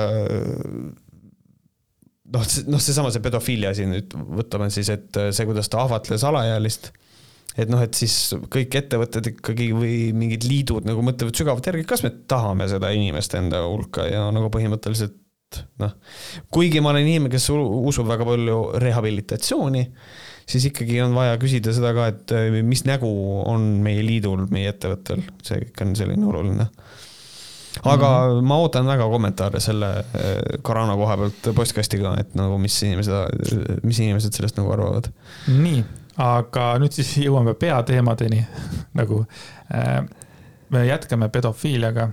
jah mm., mitte nagu meie isiklikult. ja meie, meie jätkame, aga ma tahan enne seda artiklist, ma tahaks korra rääkida mm, Grete Palgist, kes on ajakirjanik ja kes on äh, selle tulevase artikli, mida me ka hakkame lahkama, autor. ma küsin ta käest, kus on mu artikkel, kus on minu artikkel Äh, situatsioon oli selline, et kui me käisime Erilasepesa podcast'iga äh, Eesti Laulul, siis me saime Grete Palgiga tuttavaks seal ja ta kuulis, et me teeme podcast'i ja kuna aasta oli kaks tuhat üheksateist algus, siis podcast'i väga ei tehtud, siis oo, nii äge, et umbes pereisad teevad podcast'i. kõlab muidugi naljakalt, et okei okay,, kuul, ma teen teile Tartu Postimehesse loo teist. siis ta töötas Tartu Postimehes. ja muidugi tee, muidugi tee. siis kirjutas päev hiljem, et noh, erialased, et kuna teil siis aega on siis ma kirjutasin vastu, et äh, kuna iganes, minu pärast kasvõi ülehomme, eks ole, seda. ja rohkem kirja vastu ei tulnud, ma kirjutasin ühe kirja veel, et äh, kas sa said eelmise kirja kätte, et me oleme nagu olemas. Nothing ja, ja siis mingisugune a la mõned nädalad või päevad hiljem ta läks minu arust Delfisse tööle mm. -hmm. mul, ma ei tea, kas siis nagu. no kui ta väljaannet vahetab, siis on kohe. aga nagu esiteks, kus on mu artikkel ja teiseks, et viisakas inimene vastab kirjale mm. -hmm. aga ülihea ajakirjanik on ikkagi jah. Äh, selles mõttes. see on selles mõttes, et fine, fine, aga lugu on siis sellest, et äh, Ihaste ratsakooli eksjuhi pedofiilsetest kalduvustest räägiti juba ammu, kahjuks mitte politseile ehk siis see on artikkel, kuidas tuleb välja, et Ihaste, Ihaste ratsakoolis siis äh, ma ei tea, elas, oli, töötas äh, pedofiil, kes. tead, tead, et tallid on ikka veidrad kohad. tallid on veidrad kohad, et, äh, et see on nagu äh, õnneks ei seksinud hobusega, samas kas on õnneks? kurat, ma ei tea, okei okay,, ma võtan selle sõna, selle lause tagasi, see ei sobi siia. aga põhimõtteliselt äh, ikkagi selline olukord, et et siis noh, ma toon välja ühe nagu siukse markantse asja asja juures on see, et mida vist ka väga paljud erakonnad, kui, kui otsitakse ühist pinda, kus äh, saavad läbi omavahel kõik Eesti erakonnad, siis need on kaks. Neid kõlapindasid on kaks. kõik on ühel meelel, et Kalle Klandorf on debiilik ja sest, et talle öeldi, et põhimõtteliselt kõik erakonnad ütlesid, kuule, aga mine ära, sest see ei ole normaalne. ja teine on siis, ma arvan, et see nii konservatiivide kui ka siis äh, mittekonservatiivide jaoks on see, et võib-olla peaks selle seksuaalse Äh, seksuaalküpsuse ea võib-olla liigutama vähemalt kaks aastat edasi. Äh, sellepärast, et mitte, et täisealine mees on neljateistkümne aastase lapsega konsensuslikus, väidetavalt konsensuslikus suhtes. Ja mitte keegi ei saa mitte midagi teha, sest et see on seaduslik. kuigi seal taga on väga tugev grooming ehk siis selle lapse manipuleerimine, aga see on seaduslik. Ja siis on nagu, see on nagu, see on nagu mõttekoht, see on minu see suur take away sellest loost üldse see, et, et on madal see number või? see nagu. see, et ta mhm. neliteist on. aga noh, siin tegelikult see situatsioon oli niimoodi, et ta oli mm, siis nagu suhtes ühe neljateistaastasega, aga mis nagu tegi nagu problemaatiliseks kogu see situatsiooni, oli see, et ta eh,, ma ei tea, kas ta siis oli suhtes või sebis ka ühte kolmeteistaastast. ja et ta isegi nagu ise ütles sellele kolmeteistaastasele, et, et nende suhe on seaduse järgi vale ja pealegi on jutud jõudnud ka ühe Easte ratsa, ratsakooli töötajani, et hakkasid nagu jutud, jutud hakkasid ähm,. no jutud hakkasid pihta ja inimesed vaikselt vist nagu teadsid sellest juba mm. -hmm. ja kogu see info nagu, millest see artikkel tegelikult ongi, ongi võetud sellest, et äh, vestlusrakendustes Villem, Villemson siis nagu avaldaski oma tundeid ja, ja kirjutas siis nagu nende keha kohta, et noh, noh, igasuguseid asju, on ju. -hmm. ja, ja see nagu ei olekski see Google'i jõudnud tegelikult, seepärast et need, kes noh, enamus inimesi teadsid, et sihukest asja toimub, et talle meeldivad noored tüdrukud. aga kõik nagu pigistasid silma kinni. aga siis äh, selle tüdruku ähm, nagu siis sõbranna äh,, klassiõde äh, oli siis kuulnud sellest ja siin ongi üks lause. Kuigi klassiõde kartis, et kaotab Aliisi usalduse, rääkis ta kuuldust emale. tema kõneles omakorda Aliisi emaga.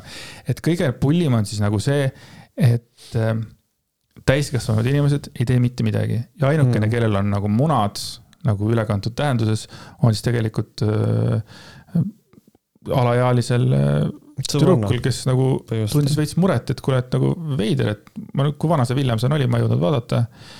Et veits nagu vana mees, et mingi jama on, vaata. jah, et see on ja, ja see on nii pöörane, et nagu selles mõttes siin on, äh, et nagu selles mõttes, mida ta tegi, et siin on üks erakordselt selline niimoodi, et ma lugesin seda lõiku ja siis mul oli lihtsalt nagu, et nagu äh, tihti kippus treener lapsi seksuaalselt ahistama Ihaste ratsakooli hoone teises, teise korruse kabinetis, kuid Aliisi viis ta ka enda remondijärgus korterisse ja proovis oma peenist lapse tuppe lükata. mis on see, see on nagu lausena, seda järsku tõmbab, lööb pidurit plokki. see oli väga huvitav lause, et ta proovis oma peenist lapse tuppe lükata palun ära korda seda, aga nagu lihtsalt see, et jah, et seda oleks võinud nagu selle, aga ma kujutan ette, et see ongi kirjutatud niimoodi, et oleks nagu selgelt aru saada, et tegu ei olnud nagu nagu seksiga, vaid nagu vägistamiskatsega või nagu sellise, et, äh, et nagu noh, ma kogu aeg räägin seda, et siin taga on hästi suur grooming, et noh, ta tegeles aktiivselt sellega, et ta kõigile oma nendele noortele tüdrukutele, keda ta seal katsus ja näppis, on see, et meie suhe on ebaseaduslik. ja ta jättis neile mulje sellest, et kui need tüdrukud sellest räägivad, siis nemad jäävad süüdi mm. -hmm. ja.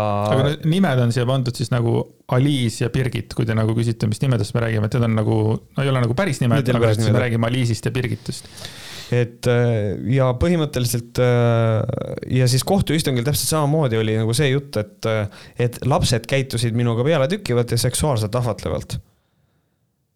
kolmeteistaastane tüdruk mm -hmm. ja I doubt that, thank you, et. ta veel saatis veel oma ohvritele pilte ka oma riistast. mis on selline küsimus mulle, sulle?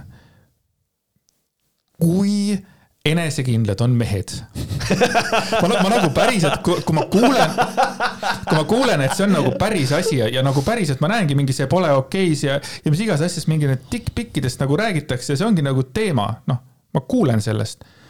aga ma ei, ma ei, ma ei tea, ma ei julgeks elu sees oma riistapilti kellelegi saata, ma, ma vist nagu, ma ei ole vist nii kindel endas siis või? sama äh,. nagu mida vittu see on, kusjuures talking about dick pics, see on veider teema, sellepärast et äh, minu üks sõber äh,, tal oli kunagi selline olukord, kus kohas ta oli ühe naisterahvaga, sai noh, väga hästi läbi.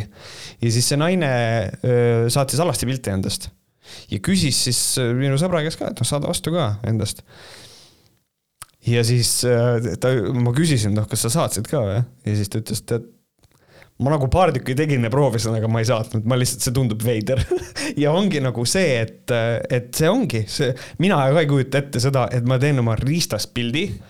sellepärast, et ma ei tea, kas ma olen debiilik, aga nagu minu arust riist ei ole mitte ühegi otsa pealt ilus asi mm.. see on lihtsalt mingisugune mm. -mm. No. rääkimata sellest, et, et ma saadan selle kellelegi teisele see on nii jabur, mul on endal ka okei okay,, mis, okei, sihuke, ma ei tea, veider. ja sellega mul omakorda tuli veel üks lugu meelde, et kunagi, kui ma olin äkki mingi kakskümmend, siis äh, mul oli üks sihuke vanem, vanem tuttav, ütleme, et mingi sihuke kahekümne seitsme, kahekümne kaheksa aasta, mingi sinu vanune umbes onju.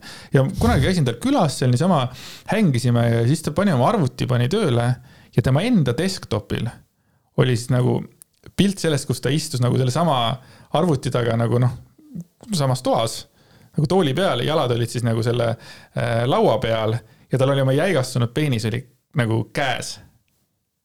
ja tal oli see iseenda desktopi pildiks. ma nagu ei küsinud, mida päriselt.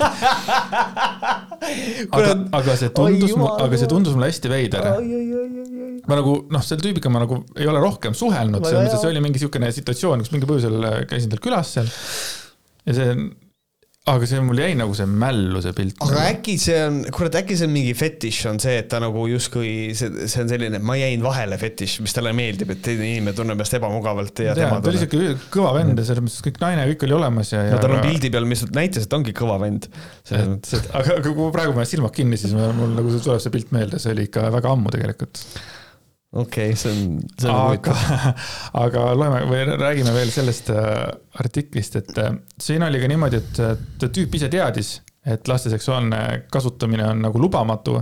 ja nagu sa ütlesid ka, et ta mainis ka seda, et äh, noh, et see on seadusvastane, ärme sellest kellelegi räägi. ja siis oligi see.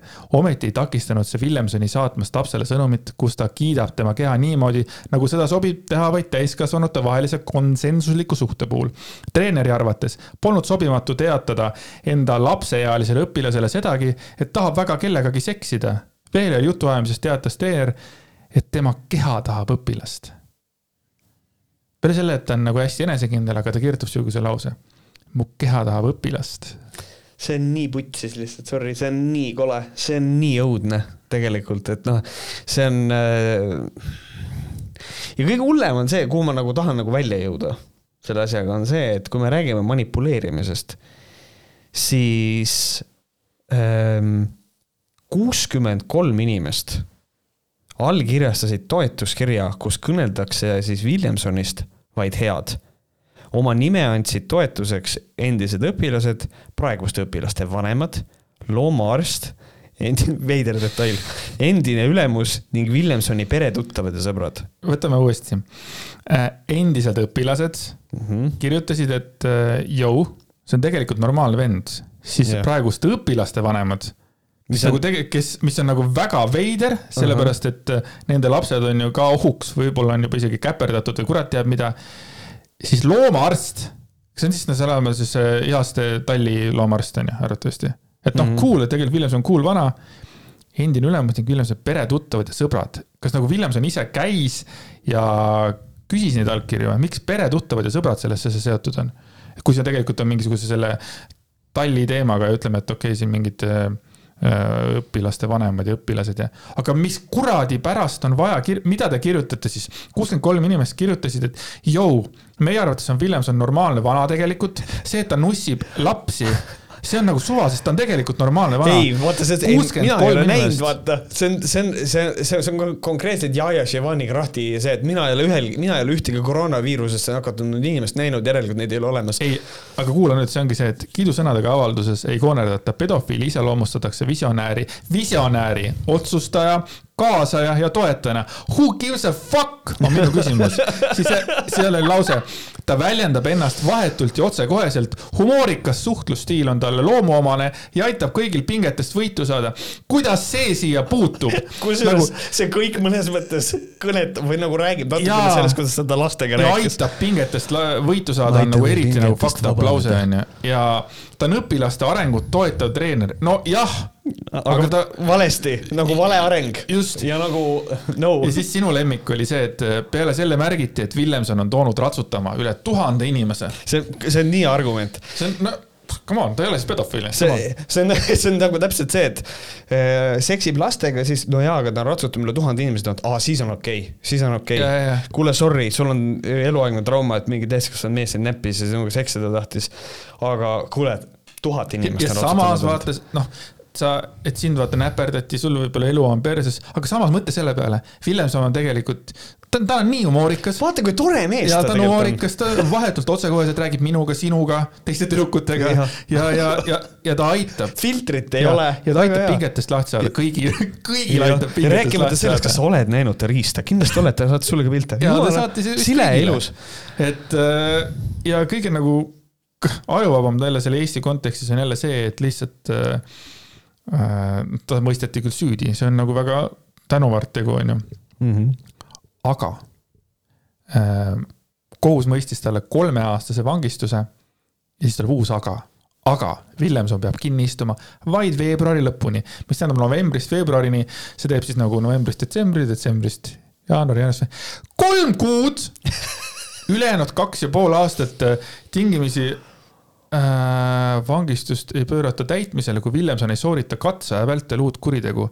ta istub kinni kolm kuud mm. -hmm. Eestis pedofiil istub kinni kolm kuud. ma mhm. kordan nagu korra uuesti, kolm fucking kuud mm. -hmm. tal on vist see ka, ta peab veel mingi sotsiaalprogrammi veel läbi tegema. kolm kuud, nagu yeah.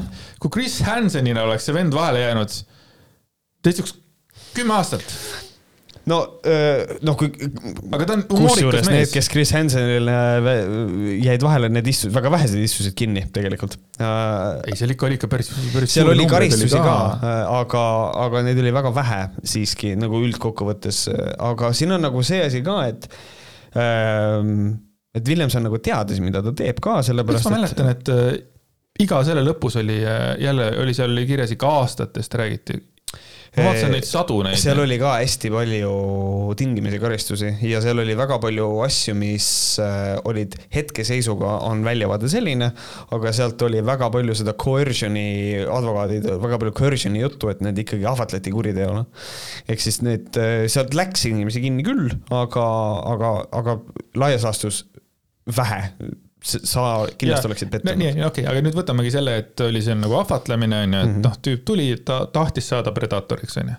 aga siin tüüp oli predaator mm. -hmm kolm kuud. kes mängis äh, seaduse, kes mängis nii seaduste lähedal nii palju kui võimalik, et ta, ta oli suhteliselt neljateistaastasega, mis igatepidi putsis. oota, oota, aga ta ostis kolmeteistaastast kas see, kas see kolmeteistaastane oli, ma tahtsin küsida, kas see kolmeteistaastane oli ka kolmeteistaastane, kas see, keda ta kolmteist ja siis oli veel kolmas oli kuueteistaastane neiu oli tal ka veel. noh mm -hmm., see on totaalselt äh, legaalne praeguste seaduste järgi. ma mõtlen seda, et äh, me peaksime lugema kohtuotsust ja me peaksime teadma seda, mis kohtus välja tuli, et siin on see variant ka, et kui see kolmeteistaastane on piisavalt manipuleeritud, et ta räägib kohtus piisavalt head juttu, siis äh, siis. sul võib olla õigus olla, aga mina ei hakka siin mingisugust äh, otsust ära ootama, mina räägin emotsiooni pealt. õige, õige. see on nagu selles mõttes. see teebki nagu, meie saate eriliseks. see on nagu, ma ei hakka ühtegi asja ootama, selles mõttes, et äh, super töö Grete Palgilt, et ta selle ja. Predaatori jälle nagu selles mõttes noh, tõi meile siia kõigile nägemiseks, kahjuks küll kuu aja pärast jälle keegi ei mäleta seda lugu ja, ja kes teab, tal on arvatavasti juba uus, ma ei tea, kas ta, ma ei usu, et ta lahti lasta, ma usun, et tal on seal töökoht sealsamas olemas mm -hmm.. arvatavasti ta saab, ta saab psühholoogi töökoha seal. no kuule, come on, see tüüp on mingi tuhat inimest toonud ratsutama, selles mõttes kindlasti see on no,. väga... ta on ikkagi hea suhtleja ja, ja väga otsekohene. väga otsekohene. saab lastega väga hästi läbi. et äh, täiesti perses, ma ei kujuta ette. et fucked up äh, lugu igatahes. siuksed ma ei tea, see, et siuksed inimesed tulevad tagasi ja no selles mõttes tõesti kolm kuud no,, eks see veits nagu, eks see veits kusi ole mm -hmm., siukene asi. kusi. kusest rääkides see on mu kõige parem segway ever.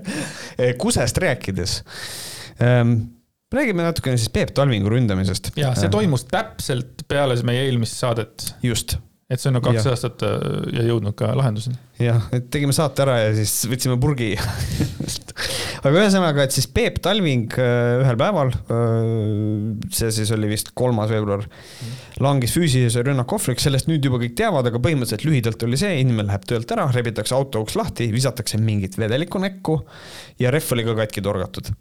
ja siis, et who did this oli küsimus, who, who done it, vana hea. mina mõtlen kohe, et äkki Valter Vaha see on see vend, kes kusest peale isamaalane Isa,.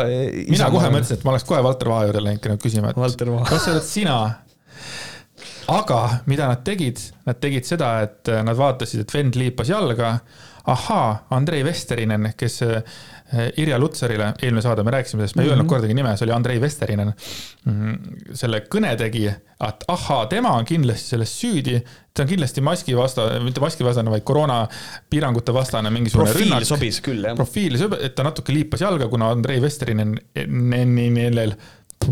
ei ole ühte jalga ja siis ta on nagu protees. ja siis põhimõtteliselt ma nüüd ei tea, taaskord, me ju ei tea, mis oli politseil, mis ei olnud mm. -hmm. aga kui palju meile siia nagu välja näidati, näidati tegelikult ühte äh, seda kaamera väljavõtet. et põhimõtteliselt inimene liipas jalga ja kohe nagu teavitati Andrei Vesterini, davai, mitte teavitati, vaid öeldi, et jõu, kus sa oled. ta ütles, et kuule, ma olen siin praegu kuskil kliendi juures või whatever the fuck, ta kuskil kaks tundi oli olnud. tule nüüd oma koju, nüüd on meil läbiotsimine. kuulates Andrei Vesterini mm, seda selgitust, siis ütles, seal põhimõtteliselt olid mingisugused relvadega vennad, mingi terve tuba, terve maja, maja esine oli täis põhimõtteliselt et nagu tehti mingisugune selline haarang ei õige sõna, sest vend tuli ise kohale. otsiti maja läbi vist, siis võeti veel tüüp kinni ka, Andrei Vesterinen hoiti öö otsa seal. ja siis homm-, siis mis iganes reede hommik või whatever the fuck see päev oli, lasti ta siis välja mm. -hmm. mis on väga huvitav, on see, kui rahulikult Andrei Vesterinen kogu sellesse asja äh, suhtus, kui ta nagu noh, on olnud tavaliselt hästi nagu selline ründav ei ole võib-olla õige sõna, aga hästi nagu niisugune irooniline ja ikkagi noh, pigem nagu ründav, vaata mm. -hmm ma ei tea, mis kokkulepped nad selle politseiga tegid, et see asi nagu, ta ikka väga rahulikult rääkis sellest ja. ma arvan seda, et siin taga ei ole mitte midagi seda, et ta teadis, et tal on õigus. See annab inimesele väga palju meelerahu. ma ei tea, kas sa oled näinud äh, seda pilti sellest, kuidas mees on rahulikult kergelt muiates, temast on tehtud mugshot, see oli Ameerikas küll. oli mugshot, rahulikult muigas, sest et ta peeti kinni, sest tal oli autos crystal meth ja pärast tuli välja, et see on silikaatkassiliiv.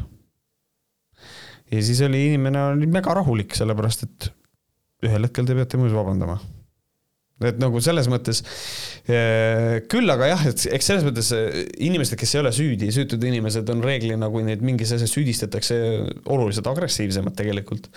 aga, aga ju siis ta teadis lihtsalt, et ei, et nagu siit ei tule midagi, oli hästi rahulik, et selles mõttes. Ma ise ka vaatasin, ta oli väga rahulikult, rääkis ühes intekas, kus kohas ta nagu seletas, oligi, et eh, see on hea tähelepanek, ta oli hästi rahulik ja, et aga ma ei usu, et siin mingisugune süvariigi asi nüüd oli ja siis nagu kogu see, tähendab enne kui see Vesterinen üldse nagu kinni võeti äh,, minu kooliõde Gert äh, tegi Facebooki postituse äh,. jätkem meelde, et ta on erikomisjoni aseesimees. jätkem hetkel. meelde, et ta on täielik lollpea ka, palun. ta ütles niimoodi vastne siseminister, äh, senine politseiametnik nimetab esimeses stuudios äh, Talvingu ülemarst, Talvingu autorehvi puruks torkamist ja kahjutu vedeliku näkku viskamist äärmiselt räigeks kuriteoks. mille tõttu see räige on, kas seetõttu, et rehv katki torgati või seetõttu, et kahjutut vedelikku näkku visati? kumb neist on kuritegu? kuna rünnaku motiivi pole veel kindlaks tehtud, siis kuidas saavad valitsuse liikmed selle osas avalikult oma oletuslikke avaldusi teha? Ja nüüd hakkas prokuratuur koheselt tegutsema. peaminister ilmus ka peidust välja. kuidas peaksid selle peale tundma ennast need ohvrid, keda on jõhkralt pekstud, piinatud, äh, vägistatud või kelle lähedane on julmalt mõrvatud? ma lasen kohe sulle sõna, annan sulle sõna sure., mul on sõnad sassi. aga siin oli üks äh, õige lause ka, ta oli nagu ees teistest. ta kirjutas ka, kuna rünnaku motiivi pole veel kindlaks tehtud, siis kuidas saavad valitsuse liikmed selle osas avalikult oma oletuslikke avaldusi teha. ma olen täiesti nõus sellepärast, sellepärast et kõik kohe näitasid näpuga sinna äh, koroonavastaste peale või midagi. et see ei ole ka nagu, ei ole ka nagu päris aus, ma räägin, Vesterinen ei ole minu lemmiktüüp ja nüüd tagantjärgi on mul hea nagu siin noh, ka öelda, et nad noh, paljud inimesed tegid asju valesti, aga minu arust see on ainuke asi, mis nagu Gerdi jutus äh, oli nagu õige, aga lihtsalt äh, nüüd on sinu kord. ma ei ole sinuga absoluutselt nõus, aga ma hakkan otsast, ma hakkan otsast minema. Ehm, põhimõtteliselt see, et see on, mul, see on lihtsalt üks lühike postitus Facebookis, mis on igatepidi vale, et vastne siseminister, senine politseiametnik nimetab esimeses stuudios PERH-i ülemarsti autorehvi puruks torkamist ja kahjutu vedeliku näkku viskamist äärmiselt räigeks kuriteoks siinkohal me võime vot nüüd oleks võinud konteksti paremini teada ja vaadata, kuidas ta seda äärmiselt räigeks kuriteoks nimetab. nüüd oleks vaja välja uurida see asi ka, kas Gert Kingo sellel hetkel teadis, et see vedelik oli uriin või mitte. kui ta ei teadnud siis, siis ta ei teadnud. aga veider on ikkagi öelda, et kahjutu vedelik, kus sa tead nii täpselt, mis asi seal sees oli. ja teine variant on see, et ta nimet-, et ta teadis, et see ikkagi oli kusi, aga ta teadlikult vältis sõna uriin kasutamise, kasutas sõna kahjutu vedelik puhtalt sellepärast, et see ei kõlaks räigena, sest et kui inimesele mõtled, et sulle visatakse kust näkku, siis on üsna räige ja kui sa nimetad kuse näkku viskamist räigeks kuriteoks, siis on, mina olen selles suhtes väga vastuvõtlik, sure, see on üsna räige, keegi saab sulle kust näkku ähm, järgmine lõik. Äh, mil-, mille tõttu see räige on, kas seetõttu, et rehv torg-, katki torgati või see, et kahjutut vedelikku näkku visati? Same point, same point. ehk siis see, et see ei ole kahjutu vedelik, kui tegu on uriiniga, noh, siin tulebki, kas ta teadis või ei teadnud, kui ta teadis siis on siin see argument. ja rehvi katki torkamine ilmselgelt ei ole ka mingisugune tühi asi. Refi, noh, selles mõttes ei ole, sest kui inimene ei tea, see on, see on liiklusohtlik on ta, aga, aga noh, põhimõtteliselt me ei tea, mis kontekstis seda sõna räige kasutati, kas lihtsalt see, et kellelegi visati fucking kust näkku, mis on räige. või see, et see on nii räige kuritegu, et this is like ten murders.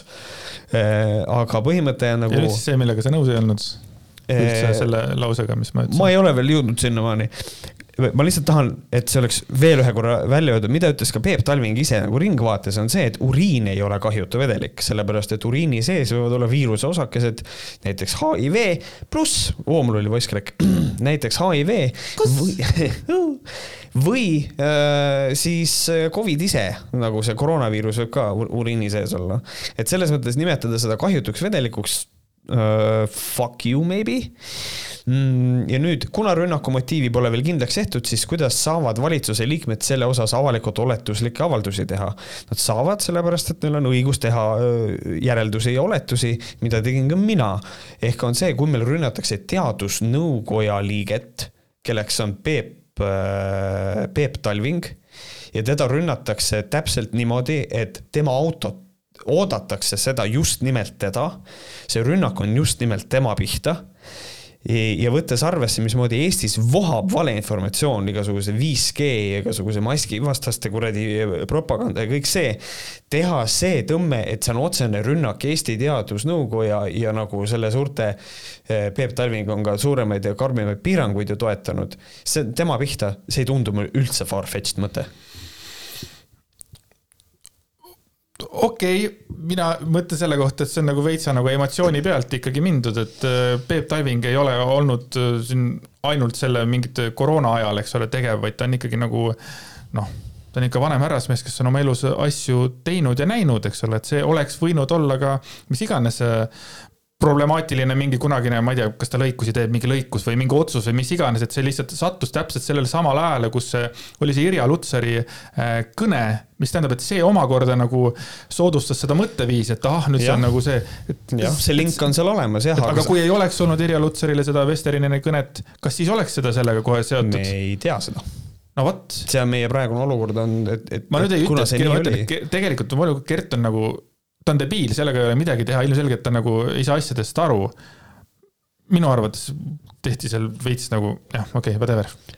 siis järgmine lause ja nüüd, ja nüüd hakkas prokuratuur koheselt tegutsema, peaminister ilmus peidust välja. nüüd selle prokuratuuri koha pealt ma arvan, et ta viitab sellele, et prokuratuur ei tegutsenud näiteks äh, kohe siis, kui Keskerakonna see korruptsiooniasi oli. et sellega oodati siis selle äh, täpselt päev enne selle tähtsat hääletust. see on arvan, väga et, oluline hääletus. jah, et ma arvan, et ta mängib nagu selle peale mm, -hmm. mis on, äh, mis on nagu nii loll, ehk siis nagu prokuratuur tegutses kogu aeg, prokuratuur ootas seda aega, kuni kõik inimesed oleks Eestis, et nad, et nad vahele võtta seda, seda on väga palju räägitud, aga kui, aga no ühesõnaga, Kert ei usu seda. Nad ei usu, mitte Kert ei usu, vaid Varro läks isegi paar päeva tagasi. piketti pidama. piketti pidama sinna.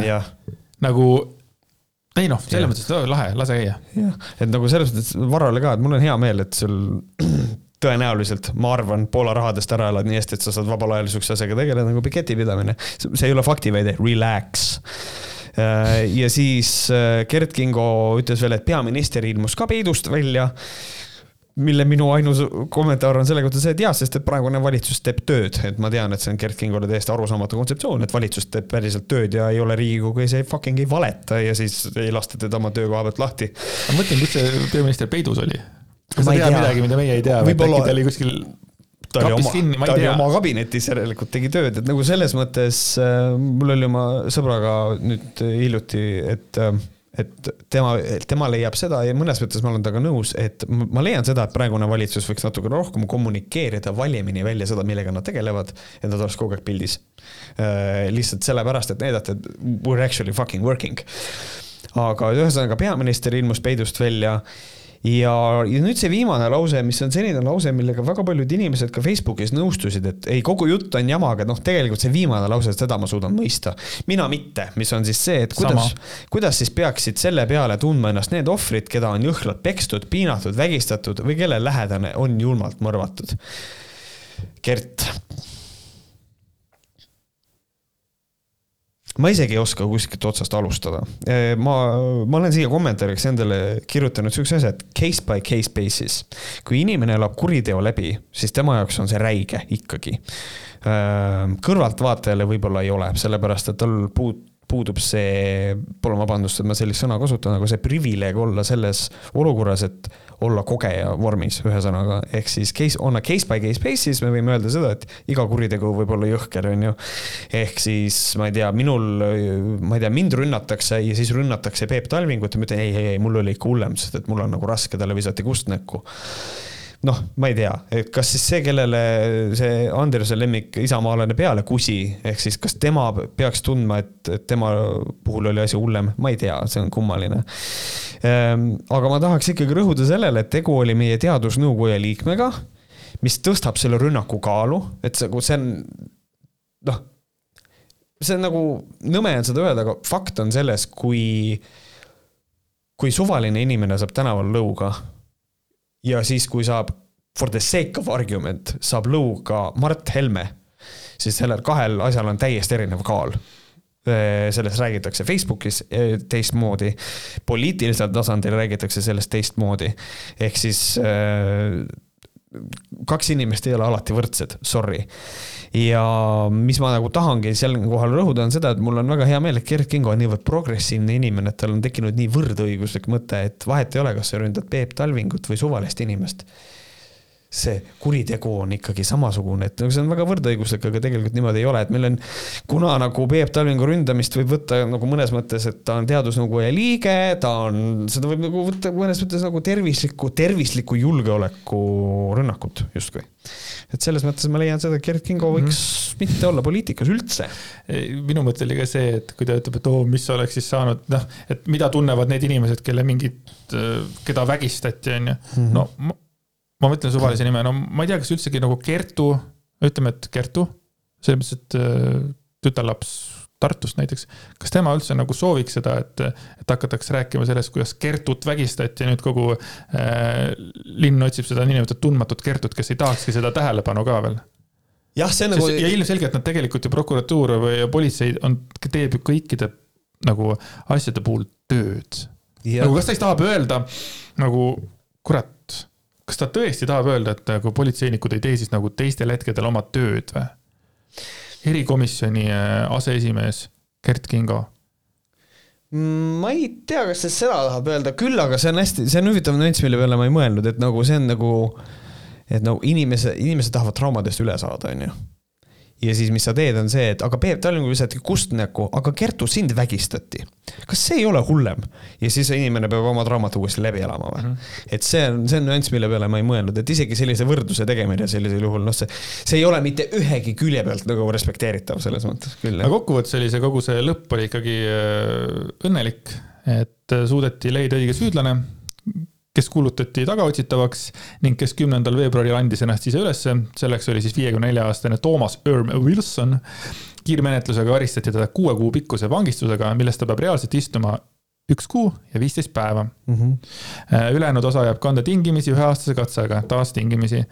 Äh, Wilson tunnistas süüd ja ütles, et tal on väga piinlik ründaja viitab ütlustes pahameelele kellegi arsti osas ja tunnistab, et tegu või, võis olla isiku segiajamisega.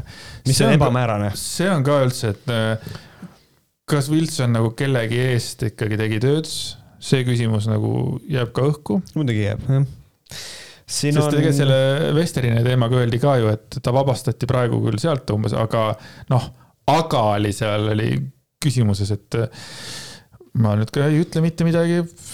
noh, tõesti, aga noh, veits on nagu veider on, et vend isegi ei öelnud, miks ta seda tegi või et jah, mul on piin, et tal on veel piinlik ka mm. -hmm ja ta on veel mingi retsidivist olnud kunagi või, või mingi pätte ka pakkunud. ja ta on mingi organisatsiooni liige olnud ja kõik see. Lihtsalt kõrvale küsiks, kuna ma tunnen, et sa oled natukene rahunenud, võib-olla ärritaksin uuesti, mul tekib see küsimus, et kuidas sulle see tunne on, et see, ta istub kinni üks kuu ja viisteist päeva ja pedofiil istub kolm et ta mm -hmm. istub, nagu pedofiil ja nagu lapse seksimine on poole hullem kui kuse näkku viskamine. see on lihtsalt taaskord see naeruväärne nagu süsteem, et kolm kuud nagu pedofiilile ja üks kuu siis see minu arvates see on ikka räige kuritegu, see, et Peep Talving on äh, vapper mees, ta ütles Ringvaates, et äh, ta ei, ta ei näe õudusunenägusid sellest, ta ei nagu ei, noh, ei ole nüüd mingi hirmu all, ei ela. ja selles mõttes, aga minu esimene mõte kohe enne kui ma, enne kui see intervjuu oli toimunud, oli niimoodi, et aga kui minuga juhtuks selline asi või ükskõik kellega meist juhtuks selline asi mm, -hmm. me ei tea, mis armid äh, see võib ja. jätta. mulle on jäänud mingid lapsepõlvest mingid suvalised, keegi ütles mulle loll ja ma olen eluks ajaks jäänud arm, eks ju. ma ei kujuta ette, kui ma olen rahulikult, tulen töölt, teen, istun maha, panen mingi Elmari mängima, onju Nancy hakkab laulma, järsku tõmmatakse mul uks lahti, visatakse mind mingi asjaga, ma ei tea, mis see on. ma mingi kohe, ma, ma kohe kindlalt hakkaks mõtlema, et see on hape, sellepärast keegi tahab mind arvatavasti tappa mm -hmm.. noh, see oleks minu esimene mõte. ma, ma, ma ei tea, ma olen vist niivõrd tuss, et ma kardan, et ma mingisugused järgmine kuu aega ei magaks öösel, sest ma yeah., ma ei julgeks autoga sõitagi õht pimedas või mida iganes PTSD ja. selles mõttes, et Peep on nagu väga-väga tugev isiksus selle koha pealt, et noh, ta ütles ka, et ta on ikka elus palju asju näinud ja teda nii lihtsalt ei löö rivist välja. aga see on, minu arust see on räige on see, see situatsioon ise, rääkimata veel see, et ikkagi jaa, et hakkad veel ära mõtta, hakkad veel ära ka sõitma, asi toimus, hakkad ära ka sõitma, ei saa ära sõita ka. rehv on ka puru mm. -hmm. nagu mis nüüd, kas nüüd tulevad mingid vennad püssidega või tekitab täiesti nagu paranoiasid. et nagu selles mõttes, et, et noh, et kes ei tea, siis Peep Talving on äh, Los Angeleses olnud, äh, ta on minu arust kiirabihaiglas töötanud ja, ja, ja ta ütles seal seda, et seal ei olnud ühtegi päeva, kus ei oleks kedagi toodud kuulihaavadega mm. -hmm. et selles mõttes, et äh, selle venna, selle venna nagu närvid on nagu saanud väga tugevat trenni.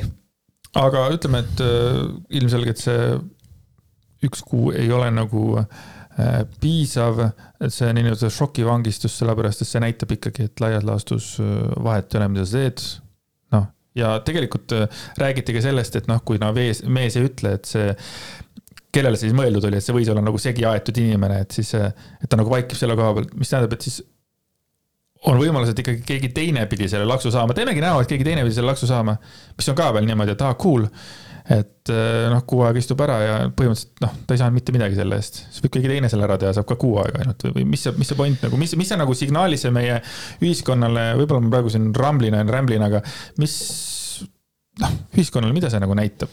et sa võid kust näkku visata, sa võid äh, la-, no noorte, noorte tüdrukutega seksida ja, ja mis iganes asju teha, et me räägime mõnest kuust. nojah, vaata siin on see probleem, et siin äh, Eesti on õigusriik, aga inimesed ajavad alati oma elus taga õiglust. nii et nagu küsimus ongi nagu selles, kui ma torkan kellegi rehvi puruks ja viskan talle kust näkku, mis see õiglane karistus on.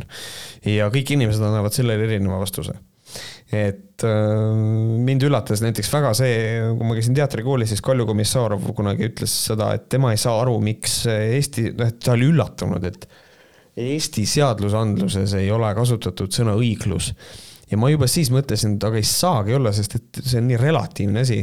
et nagu selles mõttes, et äh, inimestel on õiglusest nii erinev arusaam.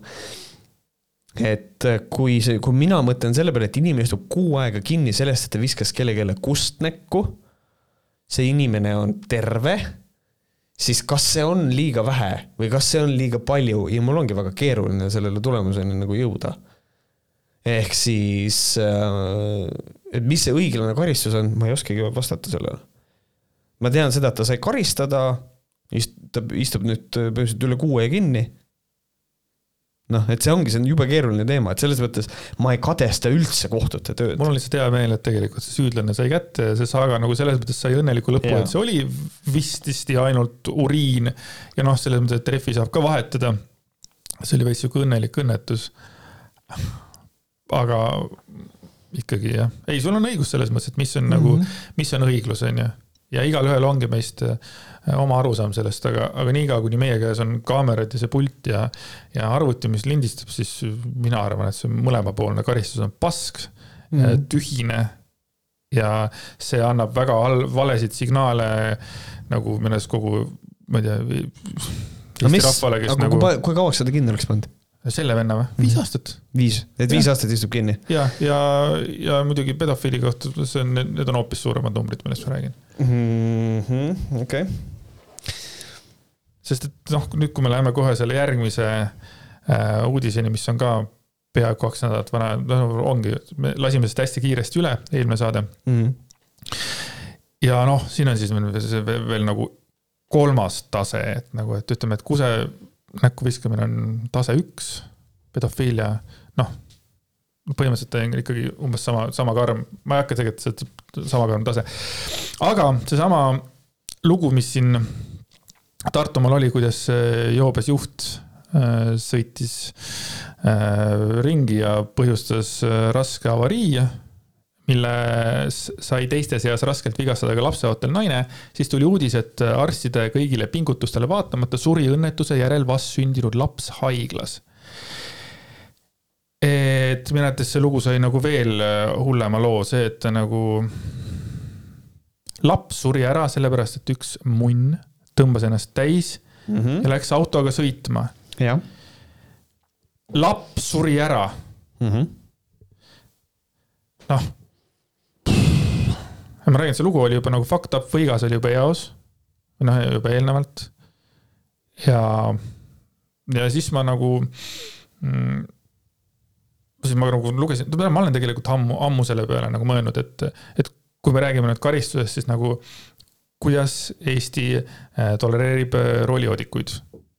miks ei võiks olla nagu kirjas täpselt minu pärast kasvõi promillidena või mis iganes asjad, et tõesti, kui sul on üks promill, saad automaatselt viis aastat, kaks promilli, viisteist aastat, kolm promilli, eluaegne.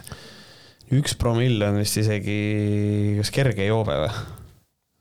kui ma õigesti mäletan, et aga ühesõnaga jah. aga see, et see nulltolerants, noh. see nulltolerants, muidugi, see peaks olema, see peaks olema null iseenesest, kuigi on räägitud sellest null koma viiest ka, aga, aga pigem nagu null. selles mõttes, kui ma käisin kunagi Prantsusmaal, siis Prantsusmaal räägiti sellest, et ähm, seal vist oli null koma viis mingi aeg ja taheti, sel ajal, kui ma seal käisin, vist oli niimoodi, et taheti vist seda või oli just pandud või ühesõnaga, aga debatt oli selle teemal, et, et, et see peaks olema null. ja siis ma rääkisin inimesega, kes oli Suure Veinimõisa mingisugune inimene, eks ole ja tema ütles seda, et äh, peaks null olema. et siis on kõigil turvalisem. see, et see on nulltolerants. Äh, ma ei tea, kas Eestis on mingisugune promill lubatud ka või? mul on selles mõttes ükskõik. noh, ma räägin jälle emotsiooni pealt ja, ja sa kindlasti võtad selle netist nagu välja kohe, mis on see kerge või mitte, aga selles mõttes, et nagu nulltolerants äh, oleks väga-väga vajalik, et selliseid asju ei juhtu.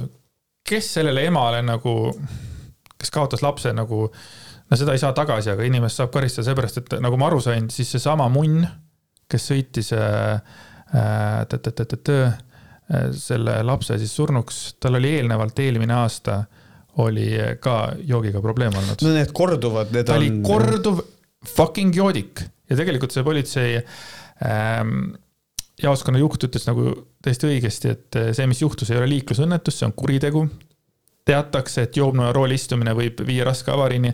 teatakse sedagi, et kui tagajärg on käes, siis seda enam tagasi ei pööra. seega, kui keegi rikub ühiskonnas kokku lepitud reegleid ja seda korduvalt, ei saa me rääkida, et juhtus õnnestus, et juhtus õnnetus. see, mis toime pandi, on kuritegu.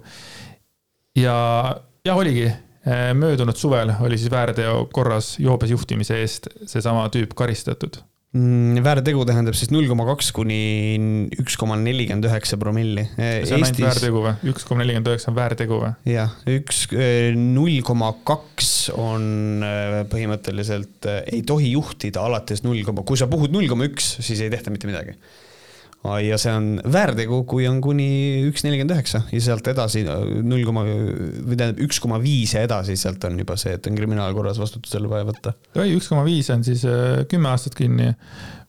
mis järgmine on, kaks koma viis või? edasi ei lähe, sealt on juba mingi joobeastme ei õnnestunud, seal on, et kriminaalvastutus on alates ühe koma viiest. Mhm. ma vaatan, vaatan seda Vikipeediast muidugi, mis on ka. ja no ongi viissada kakskümmend üheksa liiklusõnnetust, liiklusõnnetust oli siis äh, eelmine aasta sada nelikümmend kuus inimest sai viga ja hukkus kaksteist inimest. see on joobes juhtide, see on mhm. ainult joobes juhtide, saate aru või?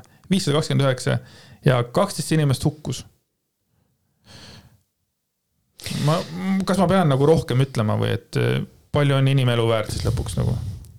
siin on. Eesti riigil on pohhu selle koha pealt. See on, äh, kui ma tänaseks saateks valmistusin, siis noh, mul oli see õigluse mõte niikuinii, äh, mitte siis selle filmi, aga õiglus kui printsiip, mille järgi me elame ühiskonnas. siis selle kohta tekkiski nagu see küsimus, et noh, et see on nii relatiivne, on see inimeste õiglustunne ja ma, ma alati nagu võtan nagu selle näite, et noh, et mis asi on õiglane. ehk siis kui sa küsid, noh näiteks sellesama juhtumi puhul, selle hukkunud lapse öö, omaksed, mis on nende arust õiglane karistus sellele roolijoodikule versus mis on sinu, mis on minu, et noh, jällegi me jõuame sinna õigluse juurde tagasi, et et mina leian isiklikult seda, et kui sa oled nagu korduvalt, põhimõtteliselt väga aktiivselt võikski juhilubade äravõtmisega ja siis, et sa ei saagi juhilube enam. kedagi ei koti see, et kui sul võetakse juhiload ära, aga sa oled purjus peaga sõitja, sa sõidad edasi. See ei ole karistus. Mm, see on hüpotees, aga, aga sure, kindlasti keegi sõidab, jah.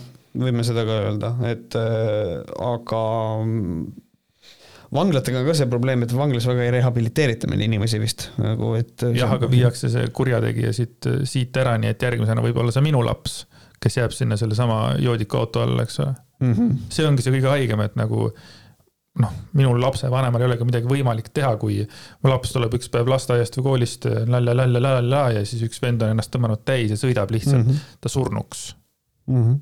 ja siis küsige, küsi siis minu käest, mis on õiglus jah, absoluutselt, jah, siis sa annad teise vastuse. et selles mõttes ma olen väga emotsionaalselt laetud kõikide selliste, selliste teemade puhul, et äh, need on no kurjategijad ja kõik, kes äh, nagu siiamaani alkoholi joo-, joovad ja lähevad sõitma, need minu arvates on need kõige hullemad kriminaalid üldse nagu That's it, noh, ma olen vähe, ma muutun veits vihaseks, meil on täna nii kuritegelikud teemad, et siin järjest oli ka, et. no meil on juba järgmine on ju ka. ja veel üks on veel, jah. E, mis on siis eh, EKRE Rootsi osakonna aseesimees Aare Laas ahistas Stockholmi metroos seksuaalselt noort kooli tüdrukut.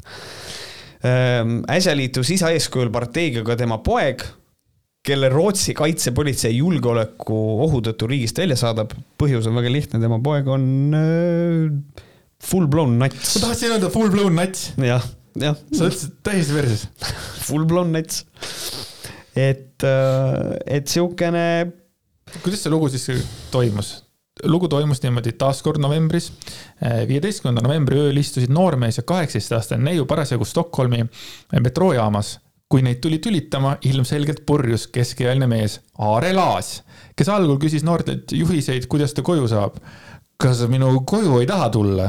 küsis Laas tüdrukult ja istus tema kõrvale, pannes käe tema reiele ning liigutades selle vaikselt tema intiimpiirkonna poole Õnneks tuli rong ja surmani hirmunud noored kargasid püsti ning üritasid vagunisse pageda, kuid Aare järgnes neile ning istus otse nende vastu. T-Centrali peatuses nägid noored turvameest ja hüppasid perroonile. Laas järgnes neile, kuid võeti siis turvameeskonna poolt rajalt maha. Laas väitis ülekuulamisel enda käites, et ta oli nii siga vittu täis et ei mäleta, mis juhtus. esialgu ütles, et turvamehed võtsid ta niisama kinni ning teatas, et tegu on väljapressimisega. turvakaamera pilt näitas, et tema jutt ei pea paika. see mulle meeldib, et esimene vabandus on ikka, ei see lihtsalt räigelt hakkas vahetama, ei see oli väljapressimine.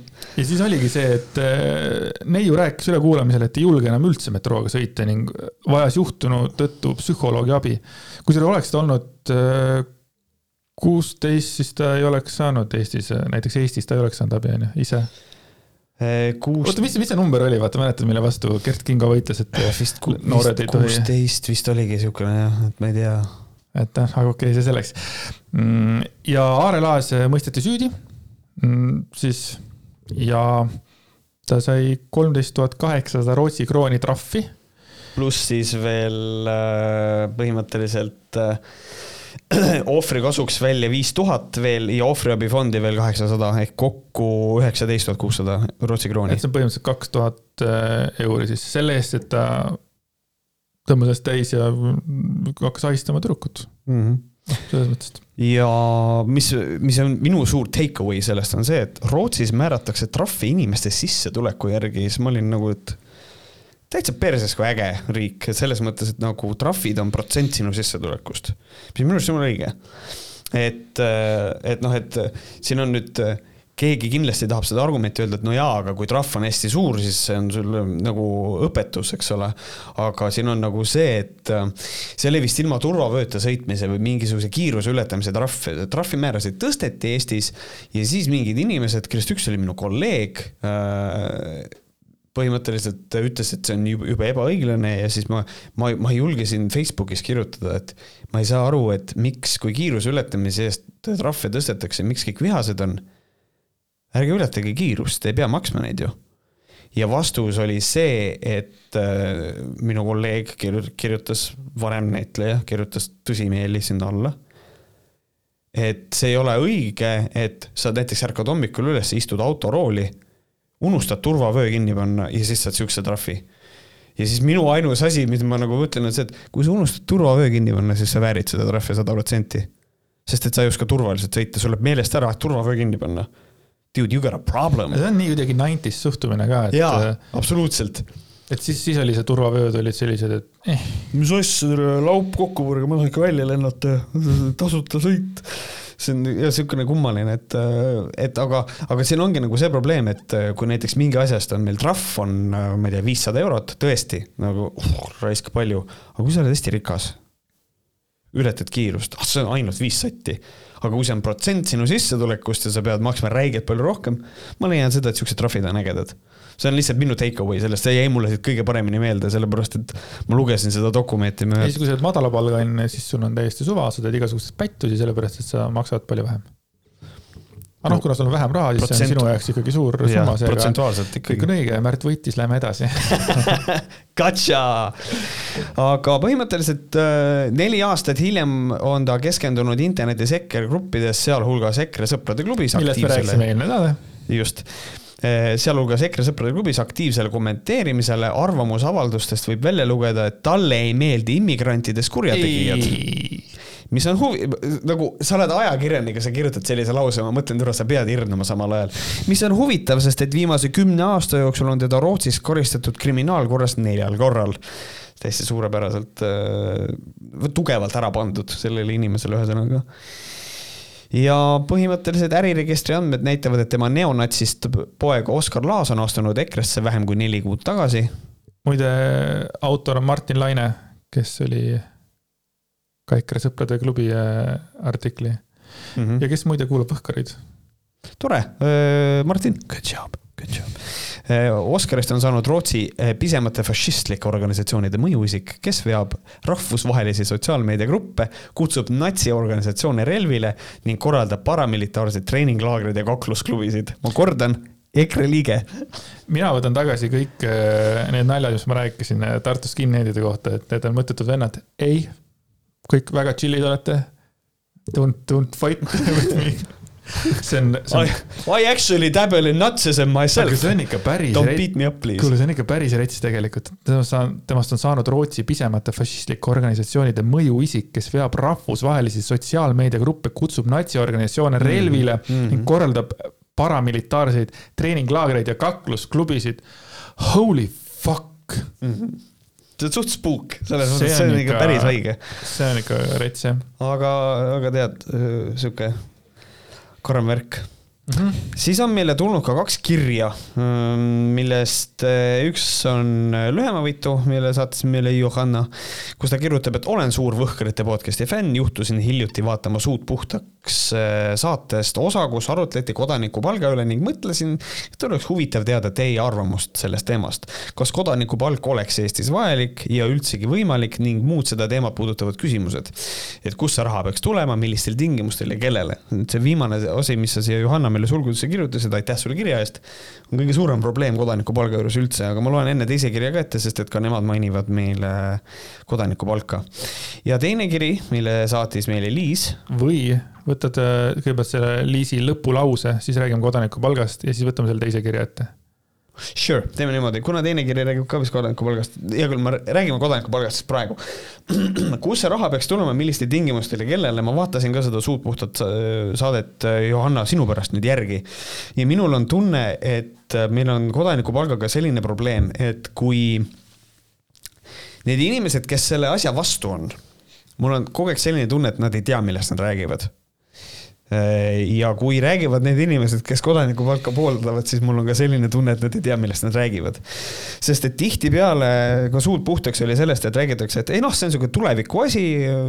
siis kui meil on tead noh, seda, sellest räägitakse reeglist reeglina sellisest nagu sellises kontekstis, et kui meil on niimoodi, et masinad teevad inimeste eest tööd, et siis kes seda palka maksab ja kellele, on ju.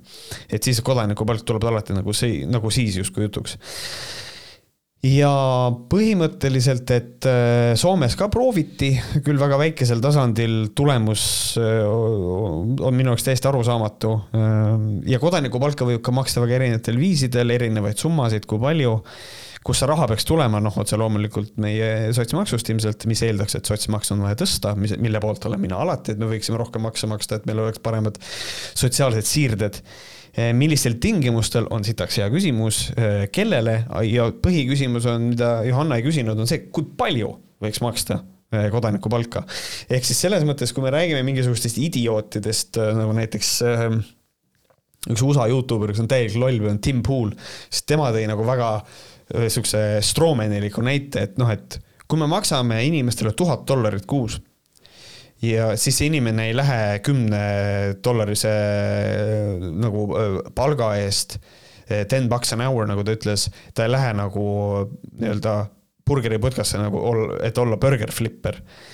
mis on siis minu seisukoht on see, et no ja et, et noh, et tema nagu point on selles, et väikeettevõte ei jõua rohkem palka maksta. nojah, sest see on väikeettevõtte probleem, maksa rohkem palka või flip ise neid burgereid, ütleksin ma selle peale aga mina leian seda, et äh, kuidas kodanikupalka läbi viia, siis mina pigem näen seda hoopis niimoodi, et meil on Eestis olemas niisugune asi nagu miinimumpalk. ja ma leian seda, et miinimumpalk on kodanikupalk ka. see on see piir, üle selle ei maksta, mis motiveeriks inimest üldse tööle minema nüüd, mida me teeme ettevõtjatega, sellepärast et meil on Eestis äh, inimesed, äh, kes elavad näiteks absoluutses vaesuses. Need on sellised inimesed, kes on töötud Äh, elu hammasrataste vahele jäänud, nende sissetulek on väiksem kui arvestuslik elatusmiinimum, mille, mis on mingi kuradi kahesaja euro kanti läheb see mingisugune, see on, see on sitaks väike nagu. ja nüüd ähm, ja seal, ja seal on ka ettevõtjad mis tähendab seda, et ettevõtjad, kes suudavad kõik asjad firmaga läbi ajada, ehk siis tegelikult nad võivad omada luksusjahti, aga oma sissetulekute poolest on nad absoluutses vaesuses. siit tekib küsimus, kas need inimesed, kes on ettevõtjad ja tegelikult nagu justkui rikkad, kas nemad peaksid saama seda eh, kodanikupalka? kui, kui me ütleme, et ei, ärme ettevõtjatele anna kodanikupalka, siis meil tekib see probleem, et inimesed on pigem töötud, saavad kodanikupalka ja ei taha ettevõtet teha siis mina oleksin nõus ohverdama selle, et vastupidi, maksame inimestele kodanikupalka, las nad olla ettevõtjad, sellepärast et see soodustab ettevõtlust, sellepärast et läbi kodanikupalga on inimestel mingisugust ressurssi, et nad võtavad endale riski asutada firma ja võib-olla midagi teha selle firmaga. kui suur see kodanikupalk siis sinu loogika järgi võiks siis olla? ikkagi miinimumpalk, ma arvan et, et see ka motiveeriks, no aga siin kuidas ongi. kuidas sotsmaksust äh, oleks võimalik maksta? seda peaks tõstma tõenäoliselt. Noh, see ongi, kust see raha tuleb, on üks kõige suurem probleem. ma maksan ise siis nagu sinna sisse mm -hmm. ja siis saan teise otsaga nagu veits välja kõik sotsiaalsed siirded toimivad niimoodi. kõik toetused, mis sa saad, sa maksad nendest ise peale.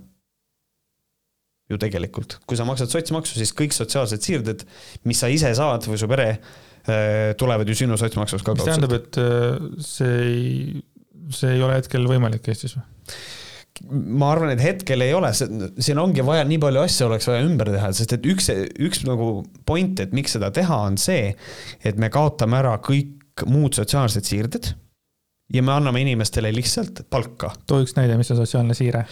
kõik toetused, ka pensionid ehk siis äh, lastetoetus okay., kõik see, selle asemel maksame inimesele kodanikupalka okay., bürokraatiat sitaks palju vähem. ei ole vaja eraldi arvestada, kui palju need inimesed saavad, vaid ongi lihtsalt kodanikupalk, buum, üks summa, mis antakse. kõik puuderahad, kõik asjad lähevad ära. kõik.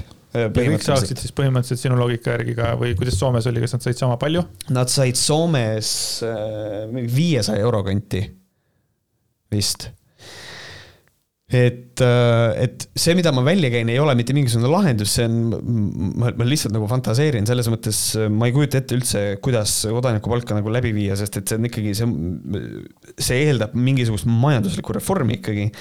et selles mõttes see on nagu, see on hästi keeruline, just nimelt see, et kui palju kas me võime rääkida negatiivsest tulumaksust, eks ole, mis on see negative income tax, mis tähendab seda, et kui sa ei, ei küündi üle arvestuslik selle arvestusliku elatusmiinimumi, siis riik maksab sulle selle vahe kinni, ehk siis sa saaksid selle raha ikkagi kätte. mis tähendab seda, et meil ei elaks siis inimesi vist absoluutses vaesuses enam, mis oleks nagu iseenesest win. et noh, see, seegi oleks midagi kas mingisuguse sissetulekuga, et kui su sissetulek on piisavalt suur, kas sa siis enam ei saa kodanikupalka? kui sa lähed tööle, kas sa ei saa enam kodanikupalka, et ühesõnaga see, see on hästi keeruline teema. Ja kõige hullem asi on see, et miks sellest on väga keeruline rääkida, on see, et meil ei ole tegelikult maailmas väga nagu näiteid tuua kodanikupalga maksmisest ja see ongi see probleem, et see on veits selline äh, keeruline teema. see on huvitav, et sa nagu ütlesid ka, et pensionid tuleks ära kaotada ja kõik, ma nagu kuidagi automaatselt mõtlesin kuidagi, noh, ma ei mõelnud selle peale, et noh. mitte tuleks, aga siis, see variant on. et pensionid jäävad, vaata, ja siis see oligi minu jaoks küsimus, et aga kus see nagu, nagu noh, nii palju raha saada juurde, aga kui sa nüüd nii ütled, noh, et nojah see eeldab suuremaid makse kohe kindlasti okay,. Okay. aga inimestel ongi see probleem, inimesed kardavad makse väga palju, et noh, nüüd kui hakati automaksust rääkima, siis oli jälle Facebookis kõik olid kuradi nii kettes, et kuidas on võimalik, et mille eest ma sellele riigile maksan, sa maksad selle eest, et sul oleks kunagi pensionit, mõtle selle peale. või kui sul on laps, lapsetoetus, et sa maksad selle eest sotsmaksu. ja kõik sellised asjad, mida rohkem me maksame makse, siis seda rohkem on riigil raha, et maksta meile sotsiaalseid siirdeid ja kui keegi ütleb mulle, et Märts on sihuke kommunisti jutt või, või sotsialisti jutt, jaa, on küll jah. ma olen oma vaadetelt sotsiaaldemokraat, selles mõttes ma toetan kapitaliste üsna palju, ma ei ole, küll ma ei ole sotside valija, which is funny, aga, aga selles mõttes oma vaadetelt olen ma rohkem sotsiaaldemokraat poliitilises mõttes et see kodanikupalk on, on nagu fun thing, millest rääkida, ma arvan, et sellest, see debatt äh, jätkub väga jõudsalt, ma kujutan ette, mida aeg edasi läheb, aga, aga see on keeruline. selle, selle asjani jõuda. nii, aga tahame ette lugeda siis oma järgmise kirja ka. Äh, ja järgmine kiri on selline. olen teid algusest peale kuulanud ning olete väga äde, ägedad. aitäh Eh, suur tänu, tahtsin kaheksateistkümnenda haigushoo lainel veidi enda kommentaare Riigikogu saadikute arvust jagada. esimene teoreetiline mõte. Rein Taagepera on välja töötanud ideaalse parlamendi suuruse, mis on kuupjuur riigi elanike arvust kust ta sellise valemini jõudis, ma täpsemalt ei tea, kuid ka lähiriikides see valem ligikaudselt töötab. ja siis ta on jaganud äh, siis riigikogu.ee linki, kus kohas on seda loogikat natukene seletatud Eh, lihtsalt ütlen eh, märgiks kõrvale, et eh, kui tahetakse Riigikogu arv, liikmete arvu vähendada, siis praegusel hetkel ligikaudne kuupjuur oleks mitte sada üks liiget, aga sada üheksa teine praktilisem mõte. riigikogu fraktsiooni alampiir on viis liiget, selleks ka valimiskünnis. riigikogus on üksteist alalist komisjoni Euroopa Liidu keskkonna, kultuuri, maaelu, majandus, põhiseadus, rahandus, riigikaitse, sotsiaal, välis ja õigus komisjonid siis. riigikogu liige saab kuuluda vaid ühte äh, alatisse komisjoni see tähendab, et väiksemate fraktsioonide puhul jääb tahes-tahtmata mõni valdkond katmata, ehkki kui ükski fraktsiooni liige ei kuulu sinna komisjoni, siis ei saa fraktsioon sellel teemal eriti kaasa rääkida. kui saadikute arv oleks veelgi väiksem, siis oleks see probleem veelgi suurem või peaks ka komisjonide arvu vähendama või seda üks liige, üks komisjon reeglit muutma. minul ei kõla need väga heade lahendustena. kujuta ette, valid erakonda, mille vaated üldjoones kattuvad sinu omadega, aga eriti meeldib sulle nende kultuuriprogramm, suured sporditoetused, kultuur kultuuri suurem turundamine Eestist välja, mida iganes lahedat, innovatiivset. erakond ületab napilt valimiskünnise, saab näiteks kuus kohta Riigikogus, kuid koalitsiooni ei saa. riigikogu liikmed jagatakse komisjonidesse ning selgub, et kultuurikomisjoni ei hakka kuuluma ükski sinu valitud erakonna liige. seetõttu ei jõua sulle nii väga meeldivad programmi ideed üldse arutluse, arutlusesse üldse. kurb eks ole. kuigi enamik valijaid ei viitsi üles otsida, kes kuhu komisjoni kuulub, siis oleks tore teada, et valitud erakond sinu lemmikteemaga tegeleb. tänan tähelepanu eest, loodan, et mõte oli arusaadav ning faktidega, et ma faktidega ei eksinud. soovin teile palju edu ja motivatsiooni edaspidiseks PS. ma saan Andrease mõttes saadikute arvu vähendada täiesti aru, ka mina pole tuhandete riigitöötajate ning nende kõrgete palkade fänn. ka mina arvasin kunagi, et Riigikogu liikmete arvu võiks vähendada, kuni ma kuulsin mitu aastat tagasi Eiki Nestori, Eiki Nestorit sellel teemal rääkimas. tema ideed püüdsingi teise praktilise mõttelõiguga edasi anda. PPS, kuna ma nii suurt riigitöötajate arvu ei poolda, siis ma toetan kodanikupalka või vähemalt selle katsetamist. see kaotaks näiteks paljud toetusega tegelevate ametnike töökohad. palun, palun, palun süvenege millalgi sellesse teemasse, rääkige kodanikupalgast. tahaks väga teie seisukohta kuulda, kõike head, Liis. kõige naljakam selle asja juures on need kaks meili tulid samal päeval täpselt samal päeval tulid need mm -hmm. ja mõlemad olid koda-, lõpus selle kodanikupalga kohta yeah, nagu yeah. mind blowing. et, äh, et siis äh, mul on nagu hea meel, et, ähm, et ta selle komisjonide asja sisse tõi, et ehk siis noh, ongi, et kui meil oleks neid liikmeid vähem, et siis, äh, et oleks see probleem nagu veel suurem. siin kohapeal täiesti paslik küsimus. kas sa endiselt tahad Riigikogu liikmete arvu vähendada või, või sa nüüd näed seda probleemi? tegelikult sa juba eelmine kord suutsid mulle seda nagu noh, veitsa paremini selgitada mm. -hmm muidugi ma tahaks neid vähendada, aga noh, seal võib tekkida komplikatsioone sellesama kirja näitel kui ka sinu need loogikad, nii et mm -hmm. no, kuna ma seda muuta ei saa, siis, siis jah, teil, teil, teil on õigus. kuna ma ei saa seda muuta, siis. kuna ma ei saa seda muuta, siis teil on õigus, jah. siis, siis, siis jääb nii, aga ühesõnaga suured, suured tänud kirjade eest võite meile kirjutada võhkrid, et gmail.com, õ on kuus ma arvan, et te saate sellest aru. aga tõsi, selle kodanikupalga puhul on see, et ma, ma süvenesin nii palju, kui ma süvenesin, et selles mõttes ma ei ma loodan, et sellest räägitakse veel rohkem, et aga praegusel hetkel on see asi selline, tundub äge sotsialistlik idee justkui paljudel, kuigi noh, tegelikult mina leian seda, et ka kapitalistide jaoks on kodanikupalk väga hea asi sellepärast et kui sinu tarbija on, kui äh, tarbimiskulutused on lõpuks nii suured, et äh, nii-öelda kasutame siis seda koledat sõna vaene, et vaesed ei jõua sinu toodet enam osta. siis miks peaks kapitalism olema selle vastu, kui riik maksab inimesele nii palju raha, et ta saaks osta neid asju, et selles mõttes pole ime, et Musk ja kõik nagu seda asja toetavad, no nad võivad öelda küll, et neil on suured see, et ei, me hoolime inimestest, ei, nad tahavad oma sitta müüa, neil on see point ka tegelikult. aga ühesõnaga, see on, see on praegu võhkerite selline mm, seisukoht kodanikupalga suhtes. jah, selle asja väga, väga hästi on ta selgeks teinud, et ma ei hakanud siin praegu segamagi sind, sellepärast et ma ei ole kodanikupalka süvenenud ja jõudnud seda ka seekord teha, nii et aitäh sulle selle mm -hmm eeltöö või siis järeltöö eest? muidugi, kui äh, minu, minu jutt ei rahuldanud teid, äh, Johanna ja Liis, siis te võite muidugi kirjutada mingeid täpsemaid küsimusi või mingeid äh, asju mulle saata ka, kas siis Võhkritesse või mulle läbi minu Facebooki page'i või, või mida, mida iganes, isegi minu kodulehel on olemas tegelikult vorm, mille te saate ära täita, siis tuleb mulle meil. kõlab nii karmilt, tuleb vorm ära täita, see on nagu EKRE sõprade klubi, vaata, et tuleb olla nagu noh ei, mul ongi, mul on see, et mul on linnukene liberast konserv, kui on vales kohas linnuke, siis ma ei saa meili päris hull, sul on täiesti siukene out of topic küsimus, aga kas Eesti Lauluga oled kursis? ei. ma teadsin seda, et sa vastad seda.